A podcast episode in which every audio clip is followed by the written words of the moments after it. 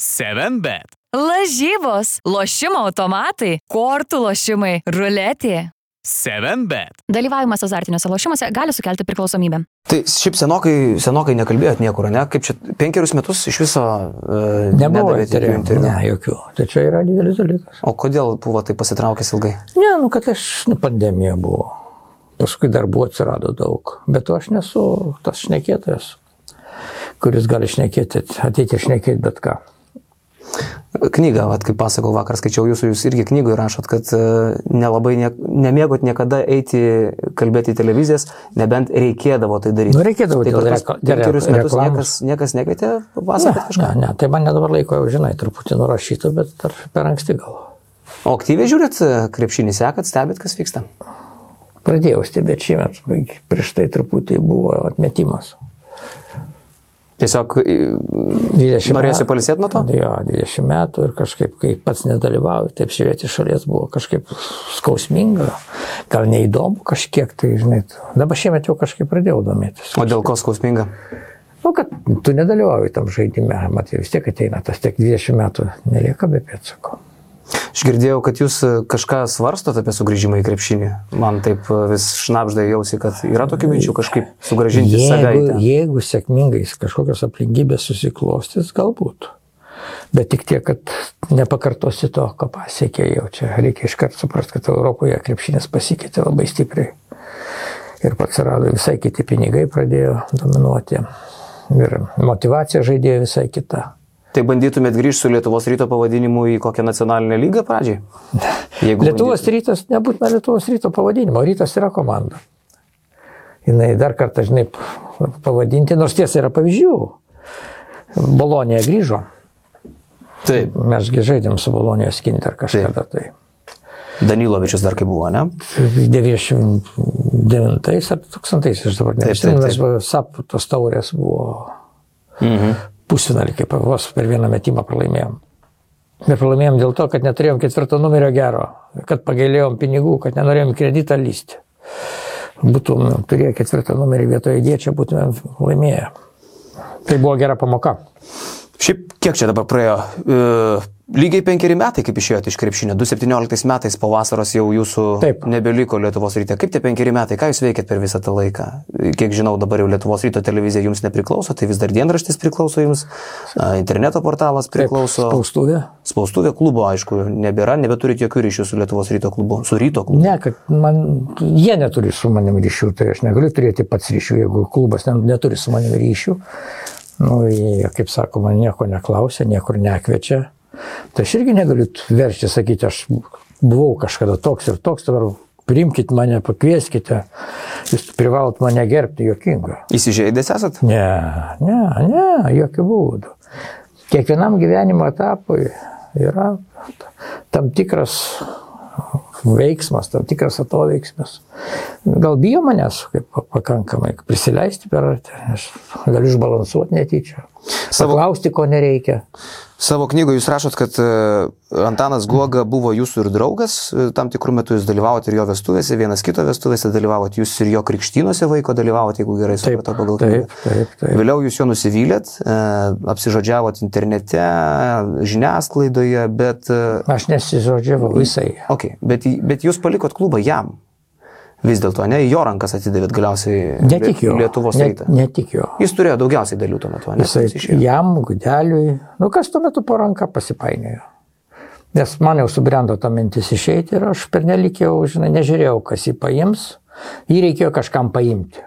Ir Man- viskas. Nes tuo metu O Čia nėra tas atvejis, kai savo vaiką bet kam atiduodat iš esmės. Ne, gal ne. Nes jaučiat, kad į blogas rankas atidavėt rytą. Bet pamažu ta situacija sunormalės. Žinot, tie, kurie nesugeba arba daro dėl kažkokių tai politinių sumetimų arba daro dėl kažkokių tai kažkokių tai, žinai, kieno, kitų, kitų žmonių paliepimų tai daro, tai anksčiau ar vėliau viskas išaiškėja ir susitvarko. Nebūtinai iš karto vaikas patenka į geras rankas. Kodėl jis turi patekti? Nu, jis neturi tėvo, Bet jisai gal iš pradžių nepateks į geras rankas, pamažu galbūt pateks į geras. Pats susipras, kas yra. Tas klubas vystosi, jisai negaliu sakyti, kad jisai visiškai nesivysto. Jis vystosi. Nu, jis Lietuvos čempionas galų gale. Galų tai- galia taip, labai sulaukė gero momento, tapo čempionu, tai ir gerai. Penkeris kartus su manim buvo čempionai ir dabar tapo vėl čempionu. Šiaip geras gabalas gyvenimo nuo 97 iki 2017-2020 metų jūs turėjote Vilniuje. Pačių gražiausių, pačių da, nu, ko kūrybiškiausių, galima sakyti, metų. Tai, žinai, svarbiausia buvo, jeigu taip, kas tuo metu buvo svarbiausia, svarbiausia buvo išsiveršti iš provincijos. Žinai, ta provincija, aš jau ten dirbau, bet mane baisiai nu, niku buvo. Ką jūs turite omeny provinciją? Lietuva, Lietuva, būti Lietuvoje, suprantate, tai reikėjo įsiveršti kažkaip, tą, bent jau Europos krepšinio pasaulį, kažkaip mane tas visą laiką stumia, kad tu turi būti Europos krepšinio dalis, kad tavo komandos pavadinimas turi visur mirgėti. Nors aišku, mane labai pykdė, pykino, kad ilgas pavadinimas komandos ir dažniausiai rašydavo Vilniaus Lietuvos. Tai suprantate, bet tokia situacija sakydavo buvo. Lietuvos. Nu, Lietuvos, bet va, tai va, rytui nebeužtekdavo vietos, nu, kai kur. Kai kuriuose šalyse užtekdavo, Ispanijoje neužtekdavo, bet vis tiek. Tai buvo, ta prasme, gražus gyvenimas, kai tu gali Barcelonai sėdėti ložiai kartu su klubo prezidentu Barcelonos ir nugalėti jo akivaizdoje Barceloną.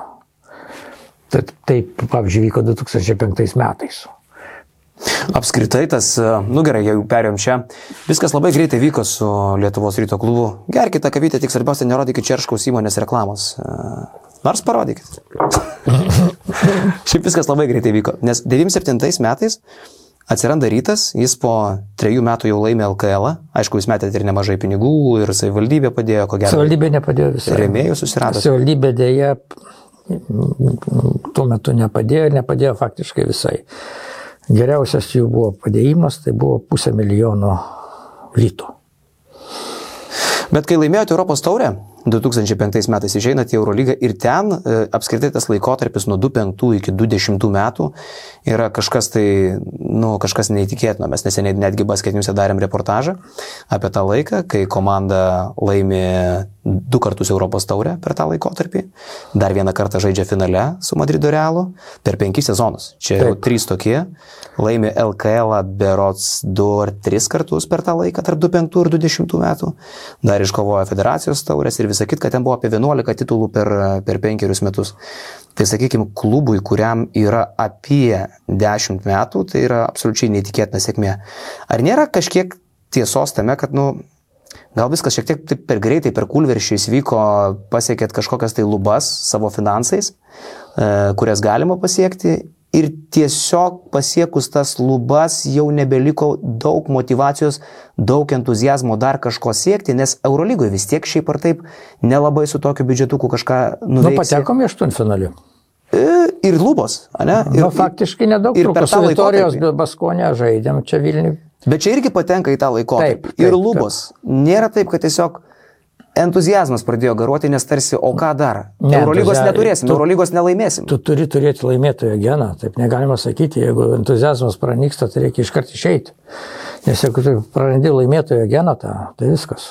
Tu, klubo nėra, aš man ne tie visi klubai, kurie tik tai gyvena dėl to, kad pragyventų, kad užsidirbtų pinigų, jie manęs, manęs neimponuoja. Įsimokėti atlyginimus. Nu, čia, žinau, dabar, jeigu pažiūrėjai dabar savivaldybių, paštai yra komandos. Savaldybės duoda pinigus, kažka, kažkiek prisiduria, įsimoka visi atlyginimus, visi laimingi. Ne, tai tu turi turėti laimėjimo geną, nepaisant to, kiek tu turi pinigų, tu turi siekti pergalių. Ir, ir man kartais tas pažintis su, su tuo krepšiniu, su tais profesionalais, krep, treneriais, man būdavo skaudė. Aš, pavyzdžiui, prisimenu, mes Europos turnyre dalyvavom ir pralaimėjome namuose. Ir dabar tiksliai ne, ne, ne, neprisimenu. Kuriais metais? Kai- Kazlauskas treniravo komandą. Mm. Serbams mes pralaimėjome, serbų kokie trečiai komandai. Mm. Ir iššūkai pralaimėjom vieną tašką ir namuose, man atrodo, vieną tašką pralaimėjom. Ir žinot, po rungtynį susėdom, pašnekėti viską ir Kazlauskas labai ramiu veidu, nes, nu, nieko čia nesitiko. Tai bus tų pergalių, bus tų pralaimėjimų, toks gyvenimas. Mm. O mane tiesiog įmasiutas, matant, kaip jis ramiai tą dėsto. Ir atleido bet, bet, Kazlauską. aš, bet aš suprantu, žinot, kas yra. Tai yra tas pats, kaip gydytojas pripranta prie ligonių, tas pats ir krepšinio treneriai pripranta prie. Tai lygiai taip pat jūs ramiai, pergalių. ramiai kalbėjote 2017 metais, kada trečią vietą užkovojot. Irgi Aš ramiai labai sakėt. neramiai kalbėjau. O jūs labai ramiai kalbėjote, jūs sakėt, na ką, parodykit man nors vieną komandą, kuri tik tai su medaliais e, 20 metų. Na, čia buvo tik atsikalbinėjimas, čia šiaip gal pudravimas jis buvo, bet šiaip tai neramus aš buvau. Ypač kai vyko kova dėl trečios vietos su Neptūnu ir mes buvom atleidę tus keturis legionierius ir išleidę jaunimą.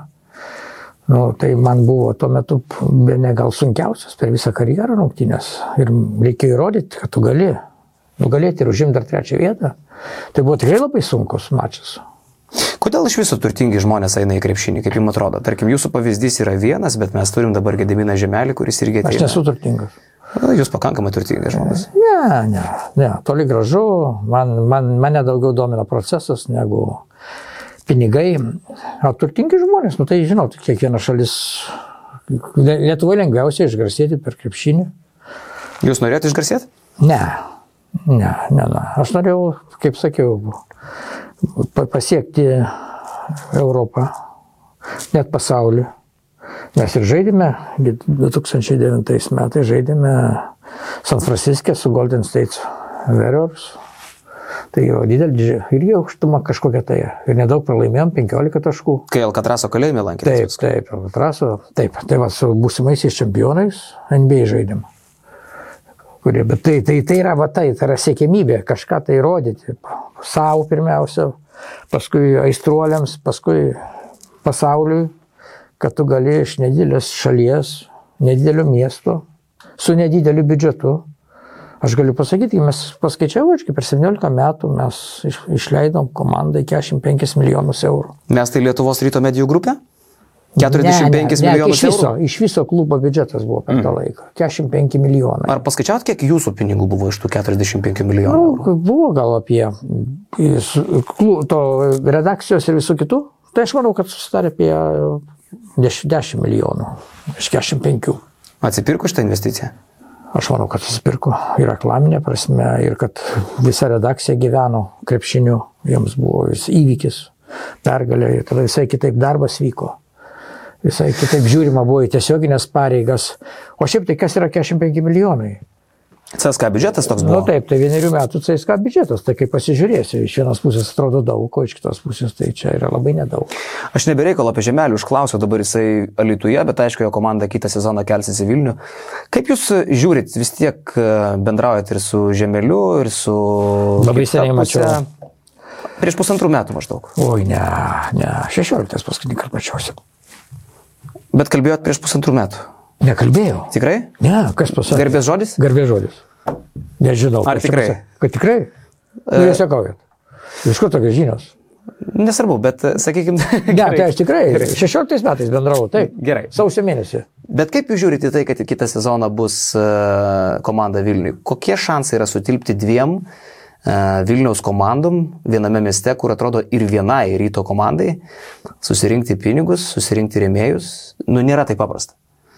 Nu, gal žemeliui nereikės rėmėjų, gal jisai pats finansuos. Žemelių nereikės. Gal jis pats finansuos. Bet dėl savivaldybės paramos, ko gero, ilgainiui konkuruos abi komandos, ne? O Ne, tai yra didžioji manau, dalis. Manau, kol kas tik tai rytas konkuruos dėl savivaldybės pinigų. Žemelis, kadangi yra, kaip sakoma, perdėm turtingas žmogus ir su keist, tokia keistoka biografija, panašia kaip turbūt kaip ir Guogos, tai jam dar negreit ateis pinigai. Į savivaldybę. savivaldybės pinigai. Taip, taip, taip. taip. Matot, Man tik tai ne. matot e, e, kažkokią įvaizdžio problemą Gedimino žemelio ateinant į krepšinį? Nu, jis nori per krepšinį pagerinti savo įvaizdį. Suomijoje žmonės gerina įvaizdį pirkdami ledo rytulio komandą Lietuvoje, įsigydami krepšinio komandą. Nu, kiek, kiek, galbūt Vokietijoje užteks ir rankinio komandos, nes, manau, populiaresnis net sportas negu krepšinis yra. Žiūrint, kokioje šalyje kas populiaru. Tai žmonės, norėdami savo įvaizdį pataisyti, eina į tam tikras sritis, labai teisingai daro. Ir įd- įdomiausia, kad tai atvažiavę iš Maskvos, kaip ir Guoga atvažiavęs iš Maskvos į krepšinį nuėjo. Nu, tai Jūs nesat geros nuomonės apie žemelį iš to, ką aš nekat, dabar girdžiu, ne? Nu, Aš normalios nuomonės, jeigu žmogus sugeba tiek pinigų uždirbti ir sukurti tokią verslo imperiją, tai kaip tu gali apie žmogų blogai galvoti? Bet jūs sakot, kad jis eina į krepšinį plauti savo įvaizdžio, vadinasi, jo Tai, įvaizdis. tai, jums- tai, tai teisingai, nėra, mano akisiais normalus, kitų akisiais nėra normalus. Bet jis turi tą turbūt daryti. Tik jo ambicijų, man labai keista, prasidėjo viskas nuo NBA klubo ir baigėsi Alitaus komanda. Tai žinot, taip truputį kažkaip, ar čia karas Ukraina taip pat šaldė emocijas, ar kažkas atsitiko. Nelabai suprantu, tik tas labai, žinai, jeigu jau tu nutari kažką, tai daryk rimtai. Bet man iš, tik iš pikta- esmės, jums kas pikta? Manau, kad tik tai abu yra, abiejų komandų emblemose yra vilkas. Na, nu, kaip nors išgyvens dėl to. Bet šiaip Kelias lab, labai Vilnių, Vilnių nebėra, kito įvaizdžio. jau. jums labiau smagu, kad ateina žemelis su nauja komanda į Vilnių, ar matot tame kažką blogo?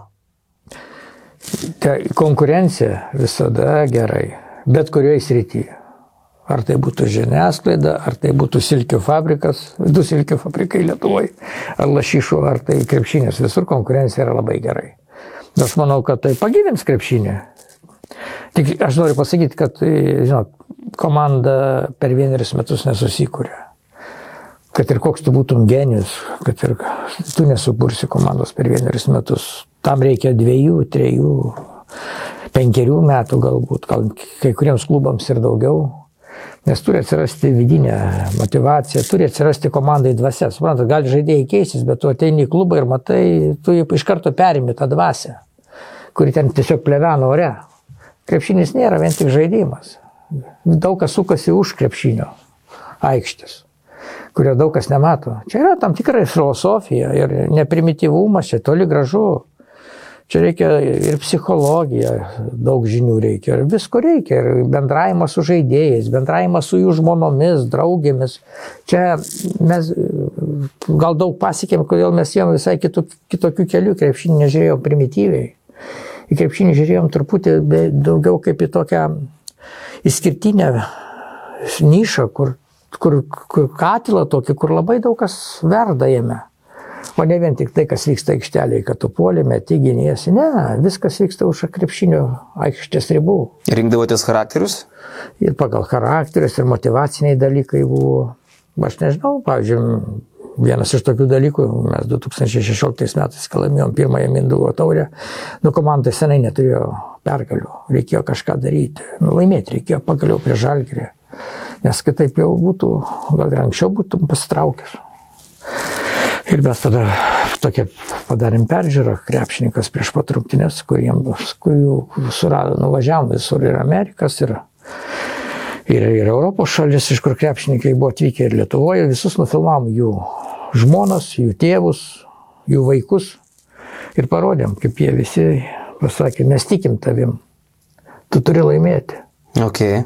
Ir aš mačiau, kad tai suveikė tai kaip ašaros akėse atsirado. Jie nuėjo, nu toks vienas iš buvo toks sprendimų. Užsiminėte apie žalgerį, apie kovą su juo. Savo knygoje e, rašot, e, kad tokį net kaltinimą savotišką žalgeriui metat, kad e, žalgeris laimėdavo prieš rytą kažkuria prasme negarbingai, dėl to, kad jie gale sezono likdavo skolingi savo žaidėjams, vadinasi, žaisdavo, kaip jūs pats įsireiškėt, virš biudžeto. E, ir tai savotiškai, kaip sakot, yra tarsi negarbinga pergalė. Bet e, ko gero, kad tą patį ir apie rytą galima pasakyti. Dabar arba patvirtinkite, arba paneikite, bet juk ir rytas galiausiai jums išėjus turėjo apie Milijonas. milijoną skolos, taip, ar ne? Taip, bet žaidėjams buvo, su žaidėjais buvo atsiskaityta. Su visais žaidėjais, treneriais buvo atsiskaityta kiekvieną sezoną. O kam ten skolas norui? Ne, skola susidarė, kai mes gal padarėm, gal nežinau, ar vykusi ar nevykusi sprendimą, norėjom tą rekonstruoti, kai Lietuvos įto krepšinio areną.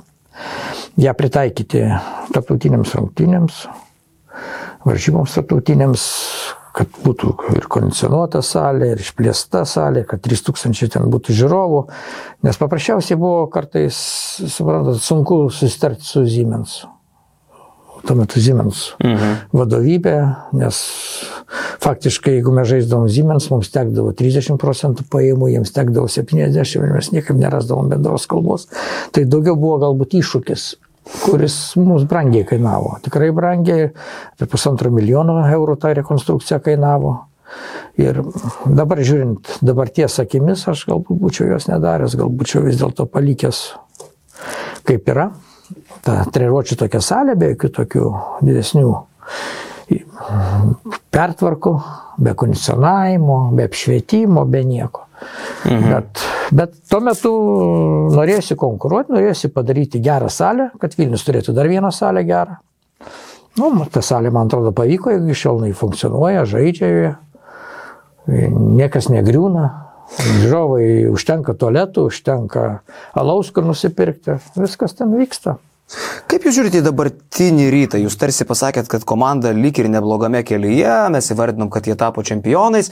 Virginijus Šeškus praėjusią savaitę gana tiesiai pasakė, kad toje komandoje e, administracijoje tvyro kažkokia bloga aura. Jis kalbėjo apie apkalbas, apie netikrumą, apie veidmainystę. Ir e, netgi neviniodamas į vatą sako, jog ir dabar toje komandoje vis dar yra kažkokių intrigų, kurių kitose klubuose tokių, tokiame lygyje tu nelabai, nelabai surasi. Tarsi ryto administracija, tarsi iš, įsišaknyja kažkas, tarsi sergantis vienetas yra. Ar jūs, kaip jūs žiūrite dabartinį rytą? Į visą, aš, į visą tai, ką irgi Šeškus tarsi pasakė. Šeškus, šeškus gal geriau žino, aš tikrai nesidomiu jokiamis ten vidinėmis. Bet jūs žinote tuos žmonės. Intrigomis nesidomiu, tikrai nežinau, kas su kuo ten nepasidalyja kažkuo, tikrai nežinau. Ir paprasčiausiai manęs tai šiuo metu nedomina. Bet jeigu taip yra, Jeigu Šeškus sako teisybę. Bet jis kalbėjo ir apie to laikmečio. E, to laikmečio rytą. nebuvo, tikrai ambicijų. Jis, čia, ne, tai čia, jis beje čia pasakė. Buvo, vis tiek buvo kažkas pasakydavo lemiamą žodį ir viskas vykdavo, kaip pasakydavo. O tą lemiamą žodį pasakydavo aš. Tai žinot, yra. Bet jo, galima, jo teigimu. Gedvydas Vainauskas jį tarsi gynė.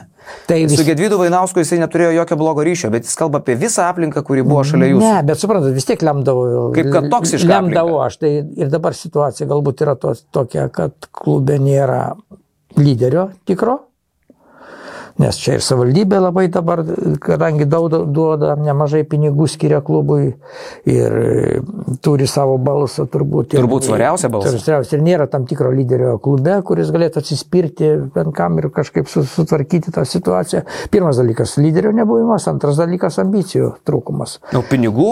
Čia, pinigų, turbūt, čia tai gal pirmas dalykas. Nu, žinot, su pinigais dabar visiems sunku. Aš manau, kad nėra lengva su pinigais. Na, bet Vilnius toks didelis miestas ir šitiek metų tai yra komanda, kurios ne. biudžetas nusileidžia žalgiriui. Uh, tarsi galimybių daug daugiau. Tiek ne. iš savivaldybės, tiek iš verslo.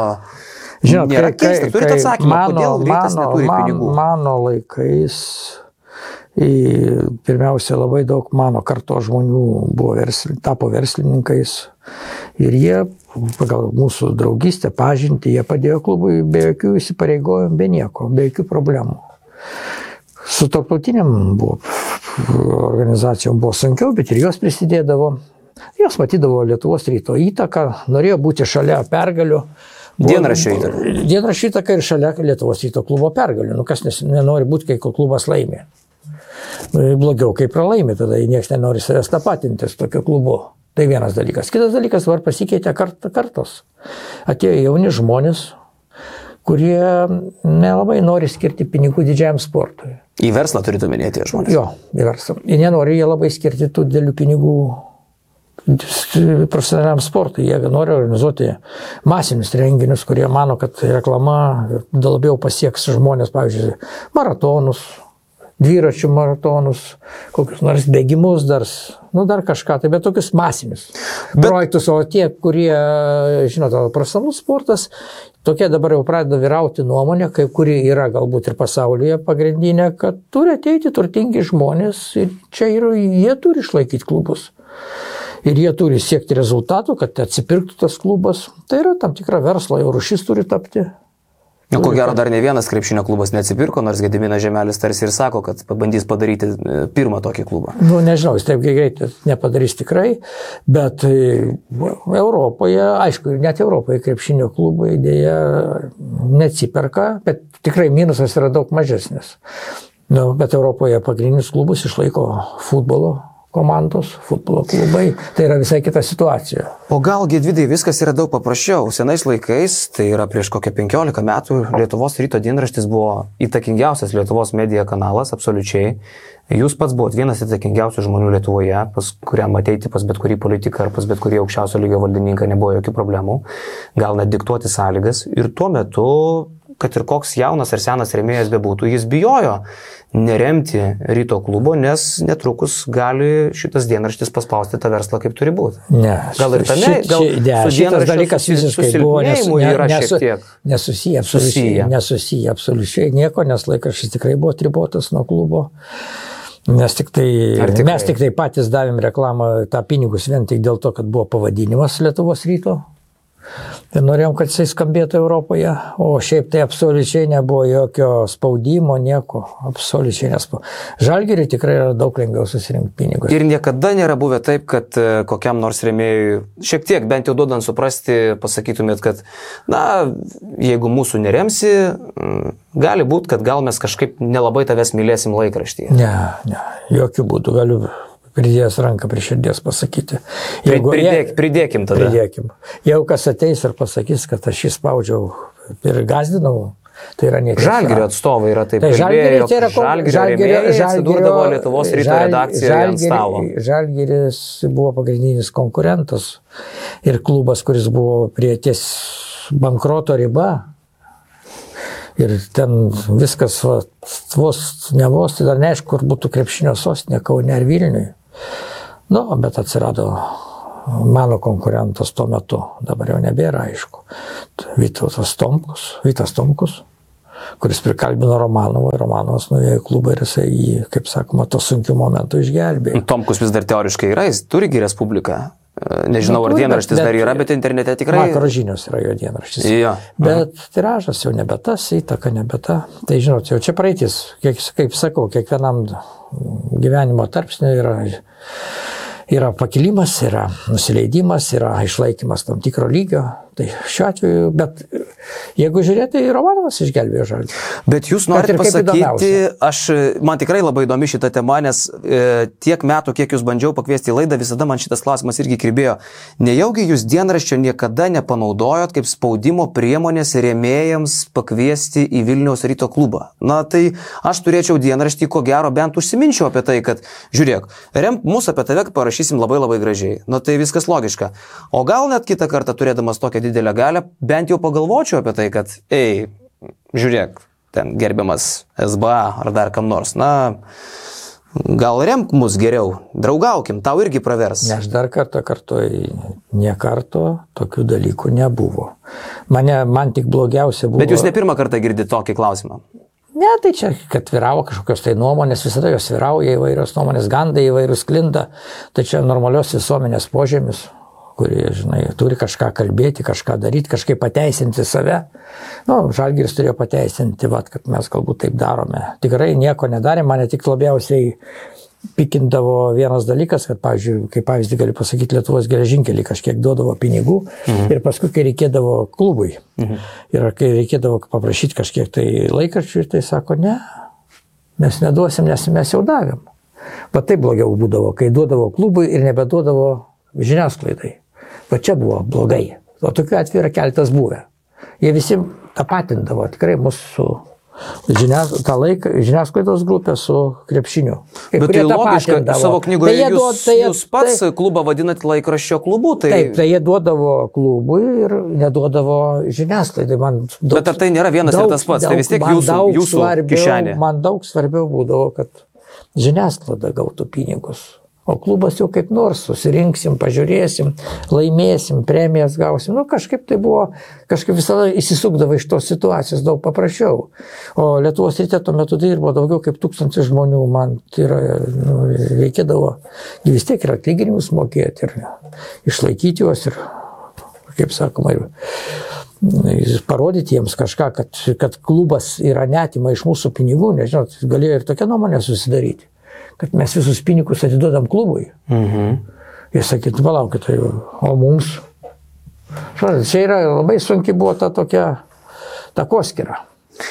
Jūs sutinkat su tuo, kad e, Lietuvos ryto kaip krepšinio klubo silpnėjimas, prasidėjęs nuo maždaug 2013 metų ir e, silpnėjimas, kuris tęsiasi, galima drąsiai sakyti, iki dabar, nepaisant to, kad klubas yra šalies čempionai, bet ko gero tai šiek tiek labiau susijęs su žalgerio susilpnėjimu negu kad su ryto sustiprėjimu. Kad ryto silpnėjimas prasidėjo ne tik tai dėl snoro žlugimo, kaip jūs knygoje rašot, kad snoras tarsi jums skolino pinigus, kuriuos vėliau žadėjo atiduoti kaip paramą, A, bet bankrutavus jums teko, bankui bankrutavus jums teko atidavinėti tą skolą, kurios nesitikėjote atidavinėti.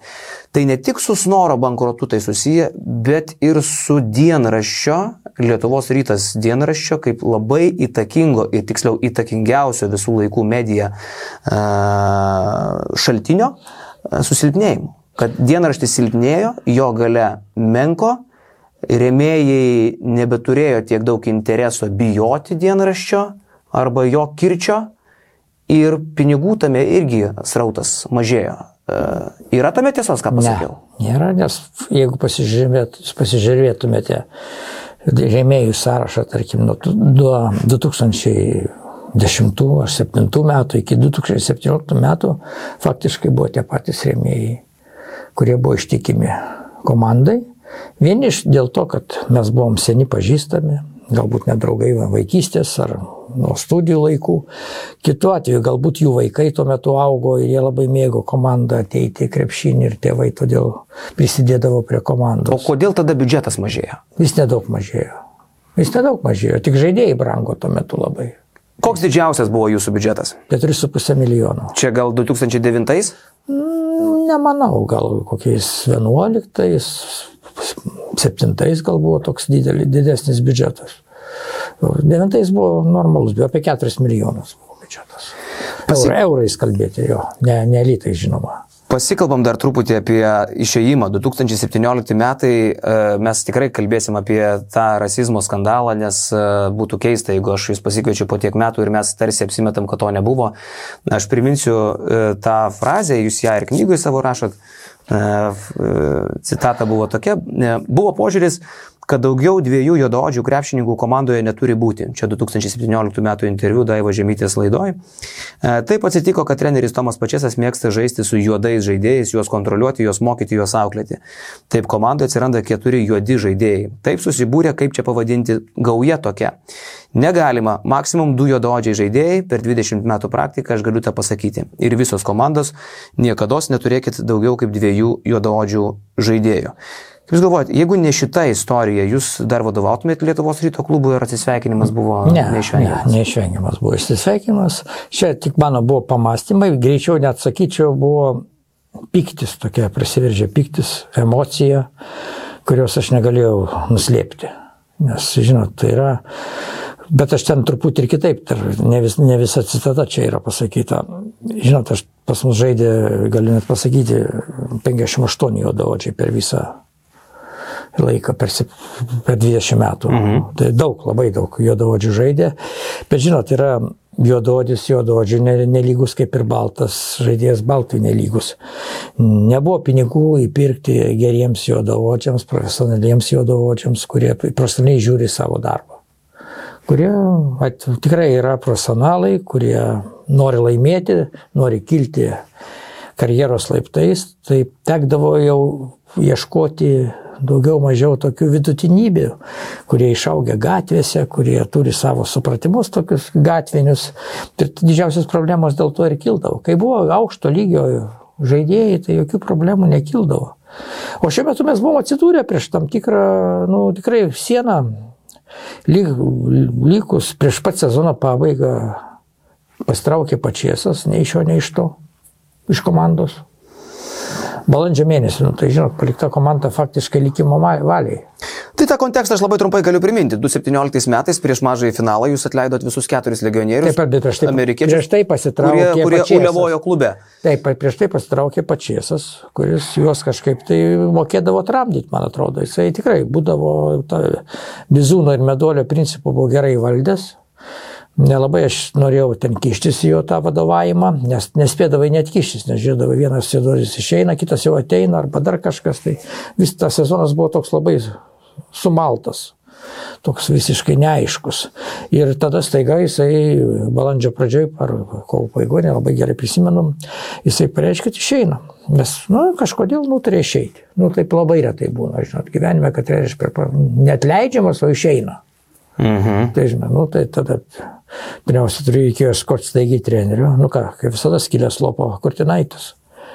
Nu, bet atėjęs absoliučiai, žinot, jisai būtų stebėjęs krepšinį, domėjęsis krepšinį, būtų buvę kitaip. Jisai visiškai tą, tą sezoną Kurtis grįžo kitoks? visiškai kitoks ir visiškai než, nežiūrėjęs Lietuvos ryto, ką žaidžia, kaip žaidžia, kurį žaidėją reikia pakelti, kurį palaikyti. Jis visiškai nežinojo. Ir mes žaidėm tada taurės, ten turnyro Utenoje. Užsienį, kur pralaimėjome. Jisai leido žaidėjus dėl, tik dėl pavardžių. O gal tuo metu kiti buvo tikrai geresnės formos. Jūs pusfinalį Neptūnui pralaimėjote. Ne Neptūnui, o pralaimėjo taurėje, man atrodo, A. Utenai, Utenai pralaimėjo. mes. Taip, taip, taip, taip. taip. Ir nepatekom į finalą. Mhm. Tai va, jisai, jisai leido pavardės, o ne žaidėjus. Ir tas aiškiai matėsi, kad jisai visiškai nežinojo, kur patenka. Na, bet jisai sakė, valio, aš ateinu, padėsiu. Gedvidai, bet grįžtant prie to, ką pasakėt, e, aš, jeigu gerai suprantu, e, jūs įsireiškėt e, ne taip, kaip pats norėjote įsireikšti. Turiuomenį, bet tai ko gero nelabai jūs teisina, nes jūs labai patyrė žurnalistas. Jūs šitiek metų vadovaujat Lietuvos rytui, esat vyriausias redaktorius. Tai net ir neparinkti žodžiai, ko gero, tokio kalibro žurnalistui net leidžia nuo atsakomybės. Ar kas labiau kaltas pagal jūs šito istorijoje? Ar jūs, kuris neparinko tuo metu tinkamų žodžių, ar kaip sakot, knygoje pasikaršiavot, ar netaip sudėliojot mintis? Kolegos pagal jūs, ant ko jūs pykstat labiausiai, kurie galbūt neiškirpo tos dalies emocionaliai pasakytos apie to sezono kontekstą? Na vis tiek šitoje vietoje kažkas sudirbo blogai. Ką jūs pats kaltinat? Save ar tuos kurie, e, kolegas, kurie šitą išpublikavo? Žinot, ta patyrusi žurnalistė, kuri ėmė iš manęs interviu, Daiva. Taip. Bilienė. Taip dabar kaip jinai dabar Bilienė. Daiva Žemytė Bilienė. Taip. taip. Taip, Bilienė. Tai jinai man pasakė, šitą vietą reikia iškirpti. Nes mūsų pokalbis buvo ilgas ir atviras. Aš pasakiau ne. Tai, žodžiu, čia buvo sąmoningas veiksmas, o ne taip, kad jisai būtų, jinai galėtų tą patvirtinti. Kad jinai sakė, kad, nu, gal dėl viso ko iškirkim, nes čia sukels visuomeniai tam tikras, žinai, sroves, dar kažką gal neverta. Aš sakiau, ne, palikime. Nes mano galvoje matyti brendo mintis, kad tai bus gražus atsisveikinimas, nelabai gražus, atsiprašau, nelabai gražus atsisveikinimas su klubu. Bet jeigu aš būčiau paprastai taip metęs klubą ir išėjęs, tai žinot, sakytų, jisai įsigando, pabėgo, nu, ne, nesugeba, nebegali. Bet Gedvidai ir geriau išeiti su rasisto etikete. Kokia rasisto? Nu, Čia yra, pa, tai palaukit, ko- ko, žmonės skiriasi, aš galiu pasakyti apie baltus keli žaidėjus, koks skirtumas, koks žmogus, svarbu kaip jis elgesi. Kodėl dabar staiga juodoris linksmas į klube, iki ryto penkių važiuoja žaisti panevežį, aš negaliu pasakyti. Tai tas pas būtų, jeigu būtų kiti, jaunimas būtų komandos narės, tą patį būčiau pasakęs. Kad nelaikykit daugiau kaip keturių jaunų žaidėjų, nes jie neaišku, ką gali padaryti. Stabiliausias e, žaidėjas yra, kuris turi šeimą. Tai yra pats stabiliausias žaidėjas. Pirmiausia, renkant žaidėjus reikia atkreipti į tą dėmesį. Ir šitie žaidėjai turėjo šeimas beveik visi, išskyrus vieną.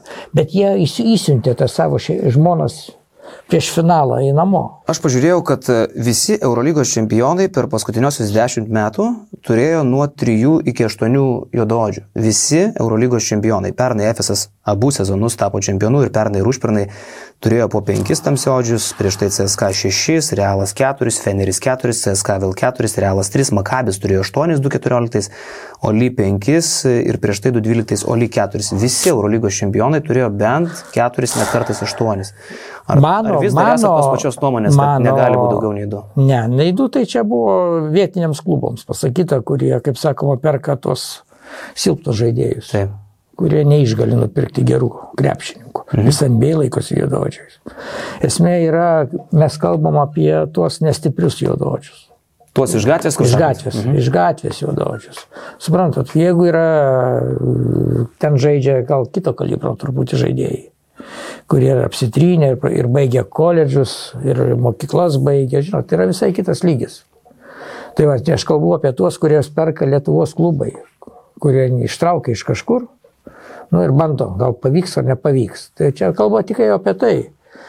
O šiaip aš vis tiek esu tos nuomonės, kad nežinau, kaip ir dabar Vilniaus Žalgerio futbolo klubas, kad aikštelėje, kai Europos taurėje, ten ar kur ten žaidžia, komanda yra vienas lietuvis tik vartose stovi, visi kiti yra užsieniečiai, nebūtinai juodaodžiai, mhm. bet apskritai užsieniečiai, aš nežinau, ar tai yra geras požymis, argi geras postumis Lietuvos futbolui. Jeigu pats futbolas, žinai, kažkur tai gale lentelės, FIFA lentelės gale rikiuojasi kažkur tai su Afrikos komandėlėmis, dalyjasi, tai kaip mes išauginsim to žaidėjus ar ką.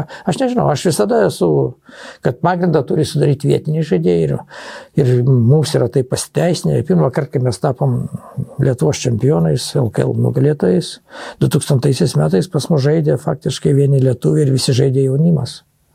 Jau Macijauskas ir Šeškauskas ir Kadžiulius. Aš esu tos nuomonės, kad jeigu galima remti savais žaidėjais, nes kitaip tai nebus krepšinio Lietuvoje arba futbolo. Jeigu būtumėt žinojęs, kad kils toksai furoras, būtumėt paprašęs žemytės iškirpti tą vietą? Ne.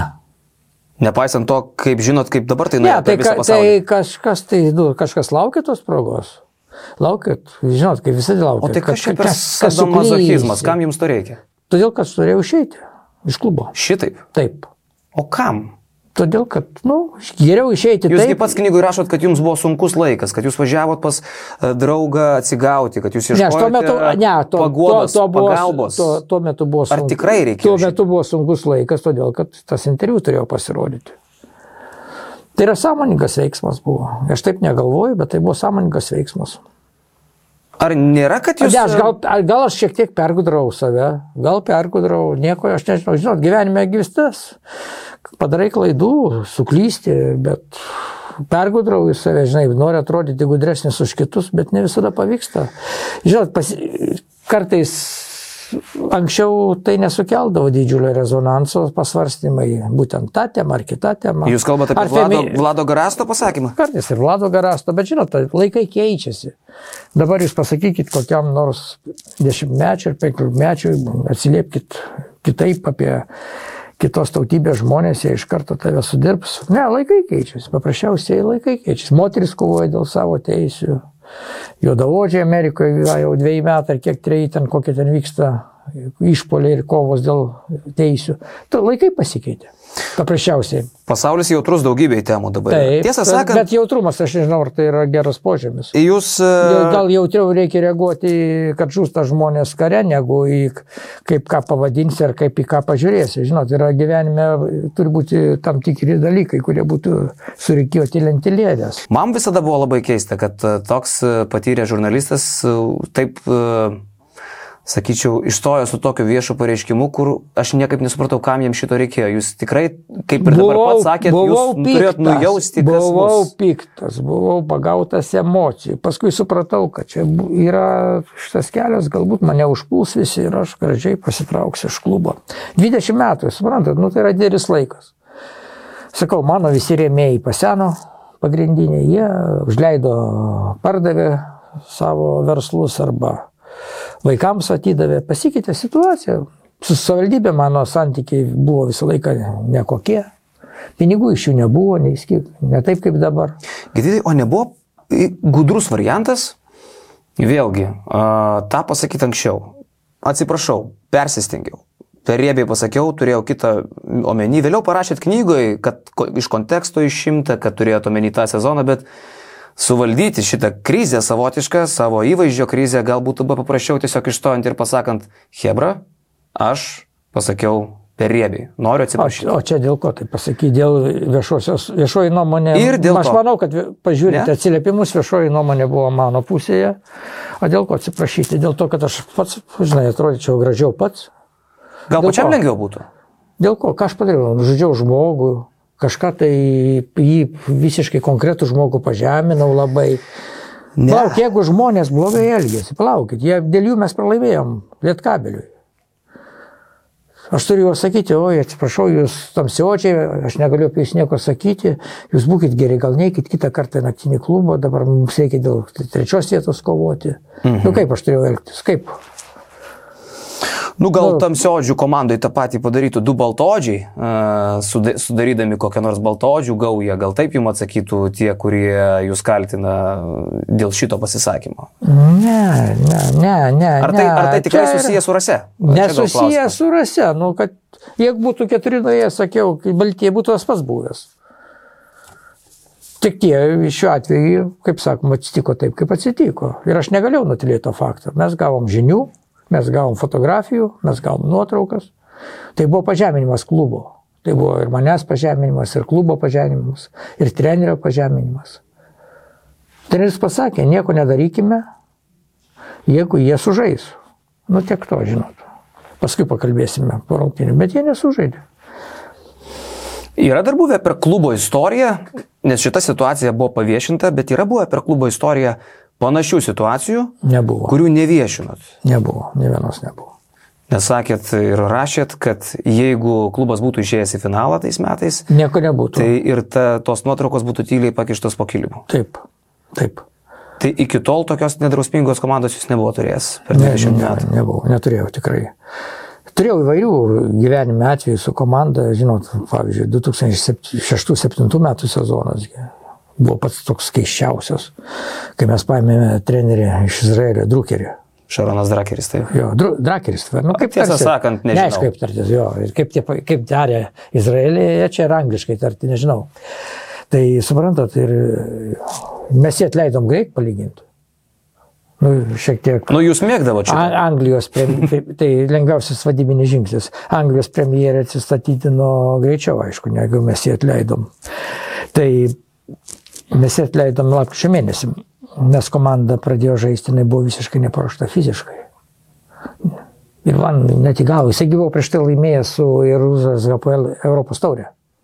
Taip, Tai taip. mes paėmėm laimėtojos komandos trenerį. Ir jisai pasirodo visiškai komandos neruošė fiziškai. Bet minties nebuvo tikrinti, kažką žiūrėti. Tai čia gal fizinio rengimo trenerio dalykas. Ne, labiau, bet tre- tai pasako treneris, jeigu jis neleidžia, jeigu visą laiką salį komanda, tai ką jis padarys. Ir pasirodo, kad Izraelį taip yra. Izraelį, kadangi labai karšta tuo metu, niekas nerengė fiziškai komandos. Čia Lietuvos tokia mokykla galbūt reikia fizinį pasirengimą. Visą kitą, tai suprantat, ir jisai visiškai fiziškai nerengė komandos. Išgeriam kavutės. Gerai. Mes pradėjome sezono pradžioj šlubuoti, tada nutarėm pasikviesti Sagadiną.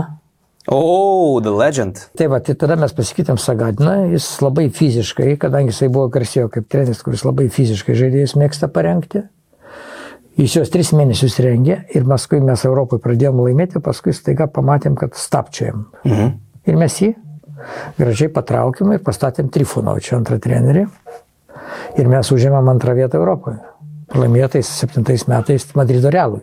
Jo. Tai atrodo, sezonas buvo palaidotas, bet mes kei, trenerių keitimo taktiką, parinkdami tam tikrus trenerius, mes užėmėm antrą vietą. Ir gal, gerai gal susiklošęs aplinkybėms, gal galėjom nugalėti tą Madrido Realą. Bet, kaip sakoma. E, Prie trenerių dar grįžim. Aš tiesą sakant turiu top 3 uh, ryto sprendimus, keičiant e, žaidėjus, e, trenerius arba jų atsisakant, kurių taip niekada ir nesupratau. Tai pradėkime nuo trečios vietos, gal galėsit kaip nors paaiškinti. Trečioje Tai vieną vietoje- paaiškinau jau. Bet šis nepatenka į mano top 3. Na, bet man jisai svarbiausias. E, jo, bet tų, kurių aš nesupratau ir man atrodo, kad jie nebuvo... Ar, nu ką žinau, ar jie buvo ar nebuvo, e, įvairiai buvo. Bet Tyro Nesby man yra trečioje vietoje. 2005 metais su Nesby jūs laimėte Europos taurę. Nesby ir prieš Kozanio Makedonikos kalą ir pakeitęs Hausą, kuris gavo traumą 2004-2005 sezone. Atrodė fantastiškai, Lietuvoje įsikūrė, gerai jautėsi, su Mija dainas dainavo, toks visas jau lietuvis Vilnietis, viskas tvarkoja, žaidėjas puikus, Jonas Vainauskas, jūsų sunus, yra pasakęs, kad tai turbūt yra vienas talentingiausių, jeigu netalentingiausias krepšininkas kada nors žaidęs Vilniuje. Bet po to sezono magiško Europos tauriai, kai Nesbit laukė kontrakto iš ryto, E, Jonas Vainauskas sako, turėdamas omeny jo dainą Sumyje, kad jam ne Eurolygoj, o Eurovizijoje reikia dalyvauti. Tai labai teisingai. Ir su pasakyta. Nesbi nepratėsėt kontrakto. Ir aš atsimenu dar kaip vaikas reagavau su tokiom akim. Dabar prabėgus jau 17 metų vis dar skaitau tos senus straipsnius ir akis vis dar tokios. Jūs nepratėsėt kontrakto su Nesbi. Kokios buvo tikrosios priežastys? Nes tikrai netikiu, kad dėl dainų sumyje jūs atsisakėt tokio žaidėjo, kuris Eurolygoje tikrai galėjo sujudėti. Ne, jūs su- supraskit, tai pirmiausia, jisai, kai pasibaigė Europos taurė, kurią mes laimėjom, jisai pr būtent pradėjo dainuoti ir nebestiruoti. Tai Tanoka Berda Žalgirį irgi dainavo, tai, tai problema. Palaukit, palaukit, bet prasidėjo finalinės rungtynės su Žalgiriu finalai, nu ir jisai nieko negalėjo padaryti. O jeigu jisai kitą metą būtų dainavęs, jis brangus žaidėjas. Kiek jisai kainavo tuo metu, tais laikais? Na, Manau, kad jisai tuo metu kainavo brangiai apie 200 tūkstančių dolerių. Nu, Tais laikais buvo brangus žaidėjas. prieš 18 metų pinigai. Taip, taip, tai buvo dideli pinigai, todėl nu, niekas nenorėjo rizikuoti ir aš nenorėjau rizikuoti. O kodėl? Kur, kur garantijos, kad kitą sezoną žais? Jeigu jis Tuo to- labiau, kad jūs jeigu- Hausą turėjot je- je- 2005. Jo, jeigu jisai toks talentingas žaidėjas, tai jisai turėjo žaisti NBA, jis žaidė kažkiek NBA, bet aš NBA neįtvirtino. Oi, bet tai argumentas jūs daug Taip, tokių turėjote, kurie... Palaukit, palaukit, bet... tai- Eurolygoje žibėjo, bet bet nebėjo. jisai, vadinasi, kažkas, jis turi kažkokiu tai būdo savybių, kažkokiu tai, su- nu, netokį požiūrį į gyvenimą. Suprantat, kažkas yra ne taip. jis ištraukė. Tu tikrai ištraukė. Europos taurėje. Ištraukė, ačiū. Reikia eiti tolyn ir ieškoti naujų žaidėjų. Iš mūsų daug išėjo į Eurolygą, da, į NBA palyginti. Žaidėjų. Gerai, antroji vietoje tarp tų sprendimų, kurio nesupratau, vėl tie patys metai, 2-5, vien toks vienas romantiškiausių ryto laikotarpių, 2-4-5 sezonas, su Jeftoku nemažai apie jį esam kalbėję, bet e, tais metais jūs laimite Europos taurę su Tomo Mahoričium. Ir ta legendinė istorija apie jo skaudamą nugarą ir e, į Eurolygą jau išeinat su kitu treneriu, bet dar mislingesnė Mahoričiaus atleidimo istorija, kaip jūs uh, atvažiuojat berots į Sloveniją, į Mahoričiaus gimtinę, žaisti iki sezoninių rungtynių ir vos ne viešbučio vestibiulyje Jonas Vainauskas pasako Tomo Mahoričiui, kad uh, ieškok, uh, gali namuose šiandien miegot, nes nu, mes čia jau turim kitą trenerį, tu jau kaip ir nuimtas. Kodėl iš tikrųjų atsisakė Tomo Mohoričiaus, kuris laimėjo e, su jūsų komanda Europos taurę? E, Jie, tai jam pasisekė laimėti, nes buvo gera komanda. Pirmiausia, ne trenerio nuopelnas buvo tuo metu. Komandos nuopelnas pirmiausia. Treneriui netrukdyti, gal irgi gero trenerio žiūrėjau. Tai, tai, bet kai reikia komanda šiek tiek silpnesnė, kitą sezoną buvo, reikėjo galbūt truputį kito požiūrio. Aišku, jis būtų mums daug... Spachija pasikvietė vietoj Mohoričiaus. Taip, taip, taip, kuris mus išdavė, kaip sakoma. Išdavė Spachija. Taip, pabėgo po sezono Just a business. į, į Ma- Makabį. Mes buvom jau visą sezoną, man norėjom, kad jis toliau treniruotų, tuo metu jis buvo savo viršūnėje. Nu, kaip ne viršūnėje, bet mes jau matėm, kad jis gali būti geras treneris. Ir Liepos mėnesį susikrovė lagaminus, niekam nieko nepasakęs, pabėgo. Tarp kitko, Spachija Vilniuje, žiūrint jo karjerą, atrodo įsimylėjo Simą Jasaitį, nes vėliau Spachija treniravo ir tau keramiką, ir ką jis betreniravo sezonas po sezono visur vežėsi Simą. Tiek ryte, po to Makabį išsivežė ir į tau keramiką išsivežė. Toks sutapimas, kurio gal ne visi užfiksavo. Taip, bet žinot, tai įdomiausia tai, kad e, krepšinio, nu, krepšinio padangė yra labai keisti dalykai, dedasi, aš niekaip nesu, nesupratau šito dalyko. Krepšininkas negali iš klubo išeiti, o, nes kitaip grėsia didžiulės nuobaudos, ten visokie teismai, o treneris gali be niekur nieko palikti klubą ir nieko nėra. A, jis turėjo sutartį su jumis? Taip, Ar taip tikrai yra? taip yra, ir suprantate, iki šiol taip yra.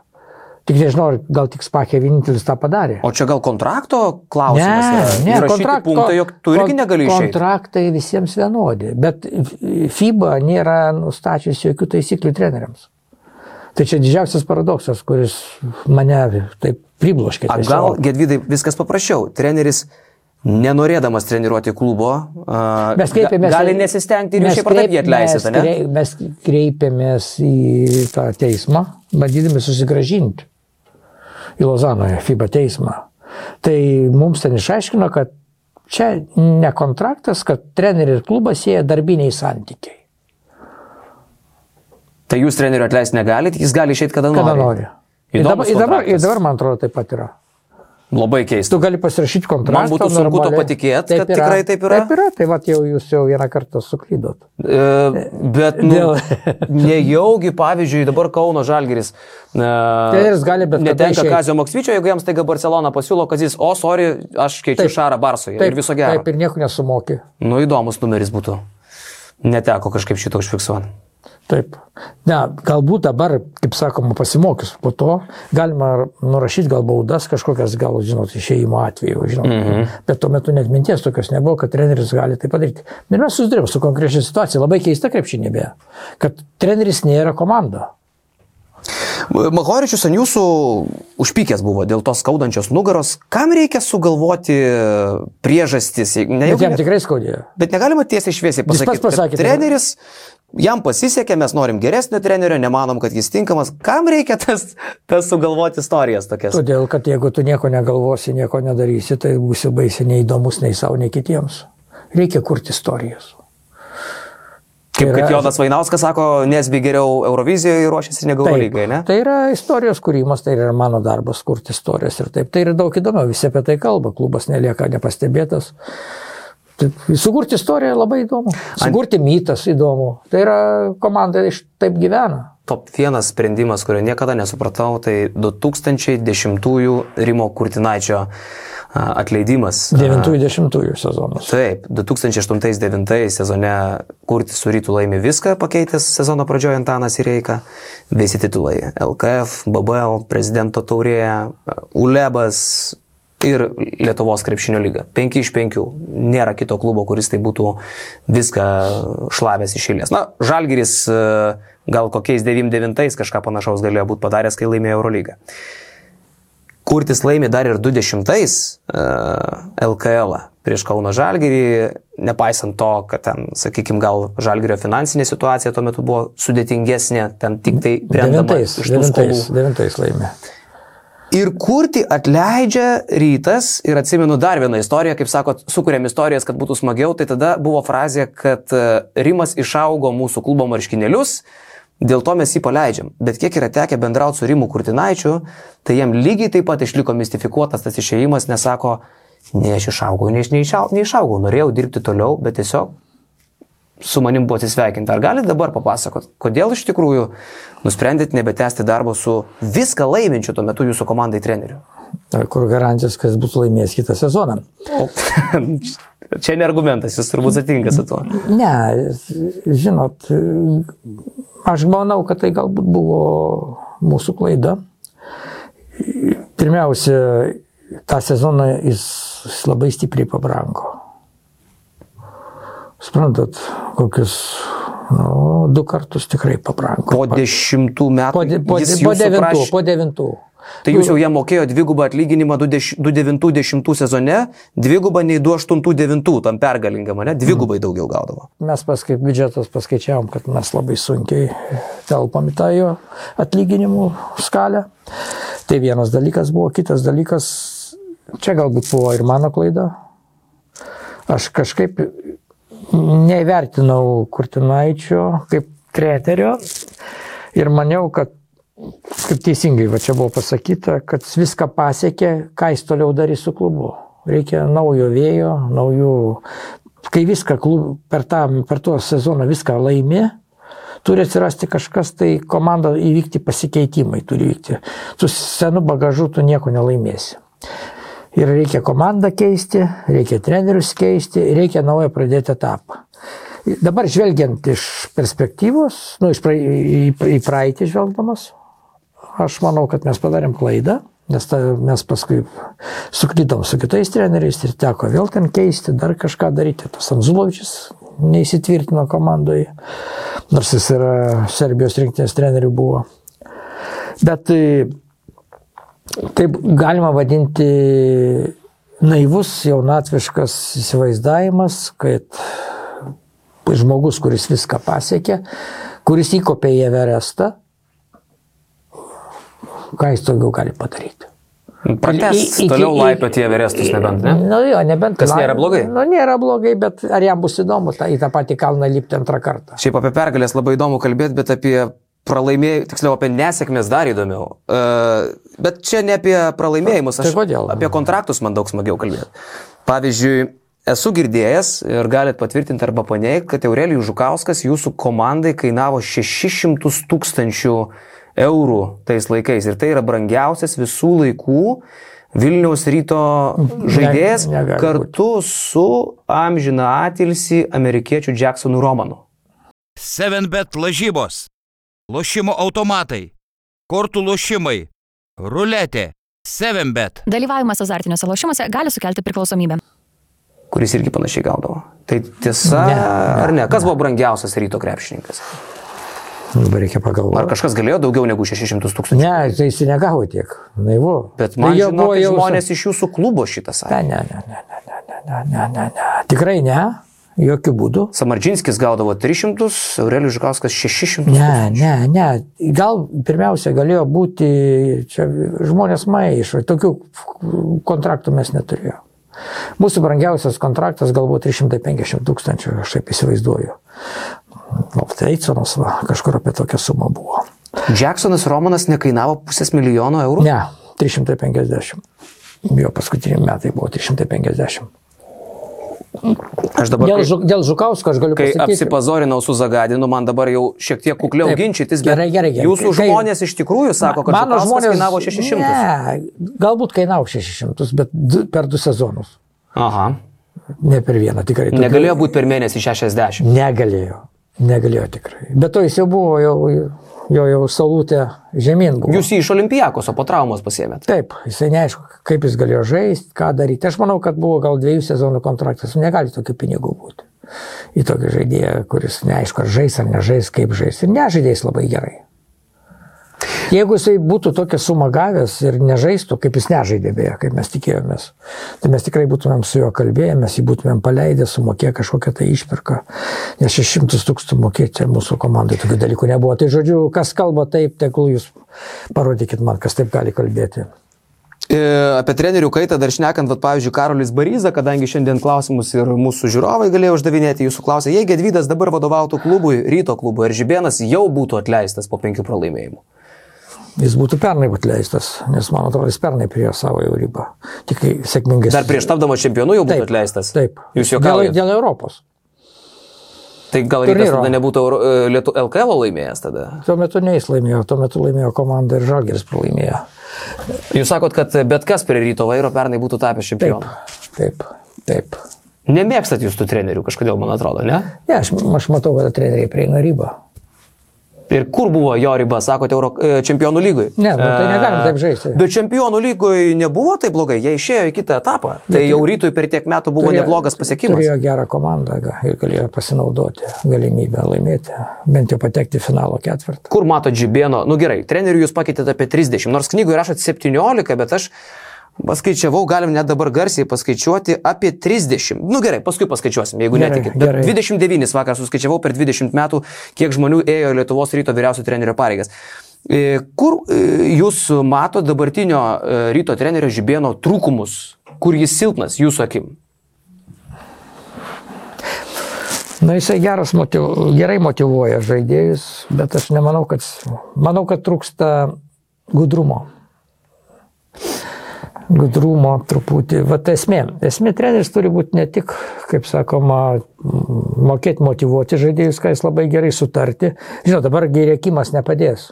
O gudrumo kur? Nes vis tiek turbūt nedalyvauja Aikšte- treniruotėse, ne? Aikštelėje, gudrumo, netikėtų sprendimų. Suprantat, nu, aš nematau. Iš pistukų tų aš, vadinamų jo, jo, trenerių, ne? aš, aš tik gal šiemet atidžiau žiūrėjau, pernai finalo rungtynės atidžiau žiūrėjau, aš taip jo nelabai, bet, nu, žinot, yra mano manimu, tai kiekvienas treneris prieina ribą ir su juo reikia atsisveikinti, tada jis turi kažkur kitur pasimokyti ir gali grįžti. Bet yra tokia filosofija, kad gal reikia duoti treneriui dirbti, na tarkim. Dainius ir, Adomaitis. ir pralaimėti sezoną. E, Ir- Vienas talentingiausių Lietuvos trenerių, šiandien, di- nu, mū- mūsų gerų trenerių daug nėra. Ar negalvojat, kad Dainius Adomaitis jau ne prie jūsų, man atrodo, buvo atleistas, ne prie jūsų, jau jūsų nebuvo komandai, bet tokie treneriai kaip Dainius Adomaitis, ar neturėtų būti Aš, aš nebuvau jo paėmęs. Jūs į irgi jį turėjote? Kažkada turėjom. Taip. labiau vertinami. Mes jų daug neturim. Mėtytis treneriais į kairę, į dešinę lengva. Faktas. Ypatingai jeigu tai užsienietis, no problem, geriausias tu gauni algą. Bet mūsų šalies treneriai, jų daug nėra. Maksvytis, Adomaitis, Žibienas. Ar nereikia duoti padirbėti žmonėm, duoti laiko? Lietuvoje, palyginti su kitomis šalimis ir su publikos reakcija, su aistruolių reakcija, yra labai brangus pinigai. Ir suprantat, aukoti sezoną, aš, pavyzdžiui, ne, neturėjau teisės. Jeigu jau taip susiklostydavo aplinkybės ir tu turėdavai, kaip sakom, užimdavai trečią vietą, kaip netikėtai tuo metu buvo iškilęs Neptūnas ir mes vat, buvom treti. Mhm. Tai suprantat, mano buvo principas nežiūrėti, ne, nebūti tokiam geraširdžiam ir sakyti, ai, gal šitą sezoną mes nurašom. Jo. Dėl trenerio, gal jis auks. Paimkim gal kokį žaidėją, tokį, gal jisai išauks, gal dar ne. Aš, man kiekvienas sezonas buvo labai svarbus. Aš negalėjau aukoti dėl to, kad laikyti žmogų vien dėl to, kad jisai auktų, tobulėtų. Tegul eina į kitą komandą ir tobulėja. Man, reikia, man reikėjo rezultato kiekvieną sezoną, atsiprašau, bet aš toks esu. Ir aš gal kiti kitaip masto. Man, ne, aš jau sezonų neaukodavau. Šiaip Žalgirio praeitą sezoną pavyzdys e, rodo ir pavyzdžiui, to paties Virginijaus Šeškaus mintis praeitą mūsų interviu pirmadienį buvo, kad e, Žalgiris būtų laimėjęs LKL. Jeigu net- nebūtų atleidęs trenerių. Jeigu nebūtų atleidinėjęs trenerius. taip. Zdovco. Taip. Zdovco. Taip. Tai, Čia buvo baisiai, va čia tai keistas sprendimas buvo. Tai jis, pat- jis tarsi kažkiek paneigia tą, ką pats dabar sakote, ne, kad e, reikia keisti trenerį, nuo trenerio pradėti. Bet Žalgiris Palaukit. keičia trenerius ir ką? Ir nieko? Tai šiuo atveju nereikėjo keisti, aš nesakiau, kad reikia keisti. Pirmiausia, jie jau prasidėjo nuo Austro problemos komandoje. Žinot, visada reikia žiūrėti, ar tu teisingai pasilgi ar neteisingai, kaip toliau klostosi to trenerio karjera. Jeigu tu matai, kad jis yra kylantis ir kažkur aukštumo, labai pasiekia aukštumas didelis, tai vadinasi, tu suklydai. Bet jeigu treneris nieko nepasiekia, pavyzdžiui, Mahoričius, jūs ką nors matėte, prisimenat, ką jis treniravo, ką jis padarė. Jis nieko nepadarė. Nu, kaip ir turbūt toks pats Šaronas Drakeris turbūt apie jį daugiau mes nieko taip, negirdėjome. Todėl, ne? kad yra, kaip sakoma, minutė šlovės ir visas gyvenimas yra kažkur užkampėje nešlovės. Jonas Vainauskas, e, eidamas žiemo pareigas, su jumis e, mėgdavo, jūs patys mėgdavote rinkti žaidėjus, pas jūs treneriai nekomplektuodavo sudėties. Arba- atveju labai buvo geras Kurtinaitis kaip treneris, kuris tikrai sutikdavo su tuo, ką jam pa- pateikė. Pačiasas nesutiko, kaip supratau, jis pats Pačėsas- rinkosi legionierius. Taip. Gerai, bet buvo trenerių, kuriems jūs nusileidot, davėt, kaip pačiasui, tarkim, nežinau, kokiam Džikičiui ar dar kokiam užsieniečiui, kuris pa- pats rinktųsi žaidėjus. Pačiasius, pačiasius laimėjo taurę. Karaliaus Mindaugo pirmąją, jis, Taip. jis turėjo teisę tą padaryti. Šarą nukalė tada, ne, su Lapeta Taip, taip, taip, taip. ir. Lukašovu prieš Taip, akį. Taip, taip, su gan silpna komanda, bet mes laimėjome. Tai jis turėjo kitą sezoną kažkiek tai teisę rinktis. Ir aš vis tik jau, kad tą sezoną mes kažkiek išplauksim. Aš tik galiu pasakyti, kad mano gyvenime buvo tas pasirinkimo periodas, kai atėjo pačiasas. Aš visą laiką, nu ne visą, dvi savaitės pas mane buvo, aš rinkausi. Pačiasas ar Masvytis. Maskvitis laukia ir pačiasas laukia. Maksytis tuo metu treniravo Neptūną. Neptūną. Visgi galite paklausti, jisai žino, jis laukia. Būtumėt paėmę už kokią 80 tūkstančių. Nesvarbu, už kiek aš būčiau paėmęs, bet reikia, reikėjo spręsti, kas jis toks. Kas, kas šiuo metu komandai buvo reikalingesnis. Aš kažkaip pagalvojau, kad pačiasas pagal savo charakterį, pagal savo būdą, gal pažadins komandą. Pagal kotesterį ir pistoletą kišenį. Taip, jo, gal jis pažadins komandą, nes komanda buvo truputį pirmygusi. Tai va, aš pasirinkau šiuo atveju, gal aš padariau klaidą. Taip. Gal reikėjo Maskvitį pasirinkti ir e, eiti gražiai. Maskvitis buvo kylantis treneris. Pačiasas buvo kito Lietuviškas charakterio. zagadinas toksai, Taip, ne? lietuviškas zagadinas. Tai va, va, toks buvo pasirinkimas vienu metu. Buvo pasirinktas, bet jisai kažkaip, jeigu taip žiūrėti tuos dviejus metus ar ką, tai jis vis tiek laimėjo taurę, tai mums svarbus buvo pirmą taurę laimėti. Po ilgo tarpo, kai mes nieko nelaimėjom. O, mhm, bet aš pradėjau klausimą nuo to hitriausio, nes tarkim, e, Žalgiris, kuris? Žalgiris turėjo, duosiu pavyzdį, kiek tenka girdėti žaidėjų, iš klubo vidaus, e, visuomenėje labai vertinama, bet klube pačiam viduje nelabai mėgstama Žuana Plaza. Sakė, tai būdavo žmogus, kuris vienas sako krepšininkam, kitas sako treneriam, tada arba klubo vadovam, tada tarpusavį kažkaip visus sukiršina, pasišeina toks herojus ir visa kitka. Nu, tarsi pervertintas žmogus. Kuris, Tri, kur, kuris dabar? Trifūnovičius sako, Kuris buvo dabar? irgi toks, žinai. Kuris dabar? Uh, Ispanijoje dirba gal kažkur, vėliai žino. Nu, tai, tai nebuvo treneris tikras. O jūs turėjote tokių trenerių, at, kurie atrodo coach, bet realiai tai yra ne kažką. Daug, taigi va, mes jau paminėjom. Tai mes paminėjom keletą tų tokių, Taip, kur jau, taip. bet jie ir nebuvo Ma- kažkas. Ne. O tarkim, vat, aš... Mahoričių paminėjom, Anzulovičių paminėjom. Džikičius į tą kategoriją Džikičių patenka? Patenka. patenka. Pervertintas treneris ar ne? Pervertintas visiškai. Nu, Tai savo kalnyje ir sėdė. Būdičnos, jis man atrodo, Taip, netreniravo taip, pernai. Taip, taip. Tai va ir sėdė savo.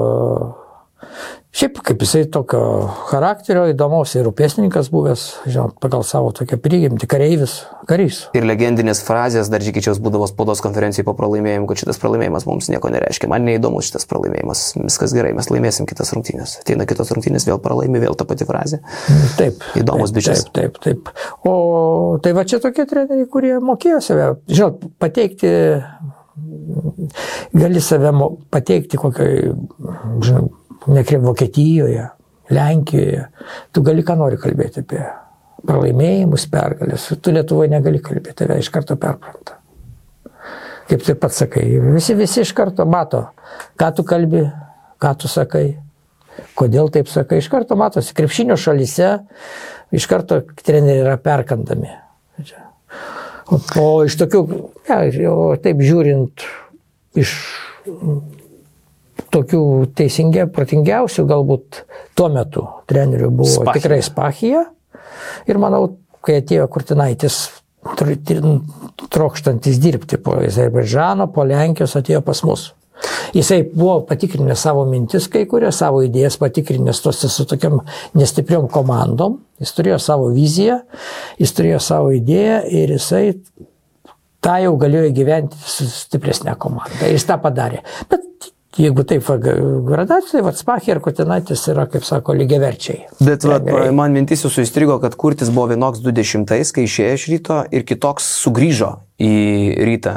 Sakot, buvo Alkanas treneris Taip. ir sugrįžo jau... Kaip čia pasakyti geriau, ar Alkanas, ar, ar, ar... Bet čia jūsų nuomonė man įdomi, nes aš galiu tik interpretuoti, ar jis buvo Alkanas, ar nustojęs gal domėtis, tobulėti, kur, kur didžiausia bėda. Kad nebebuvo Ne, kai- Alkanas, ar kad nustojo domėtis ir tobulėti. Pirmiausia, nebuvo alkanas pinigų ir buvo persistodinęs krepšiniu.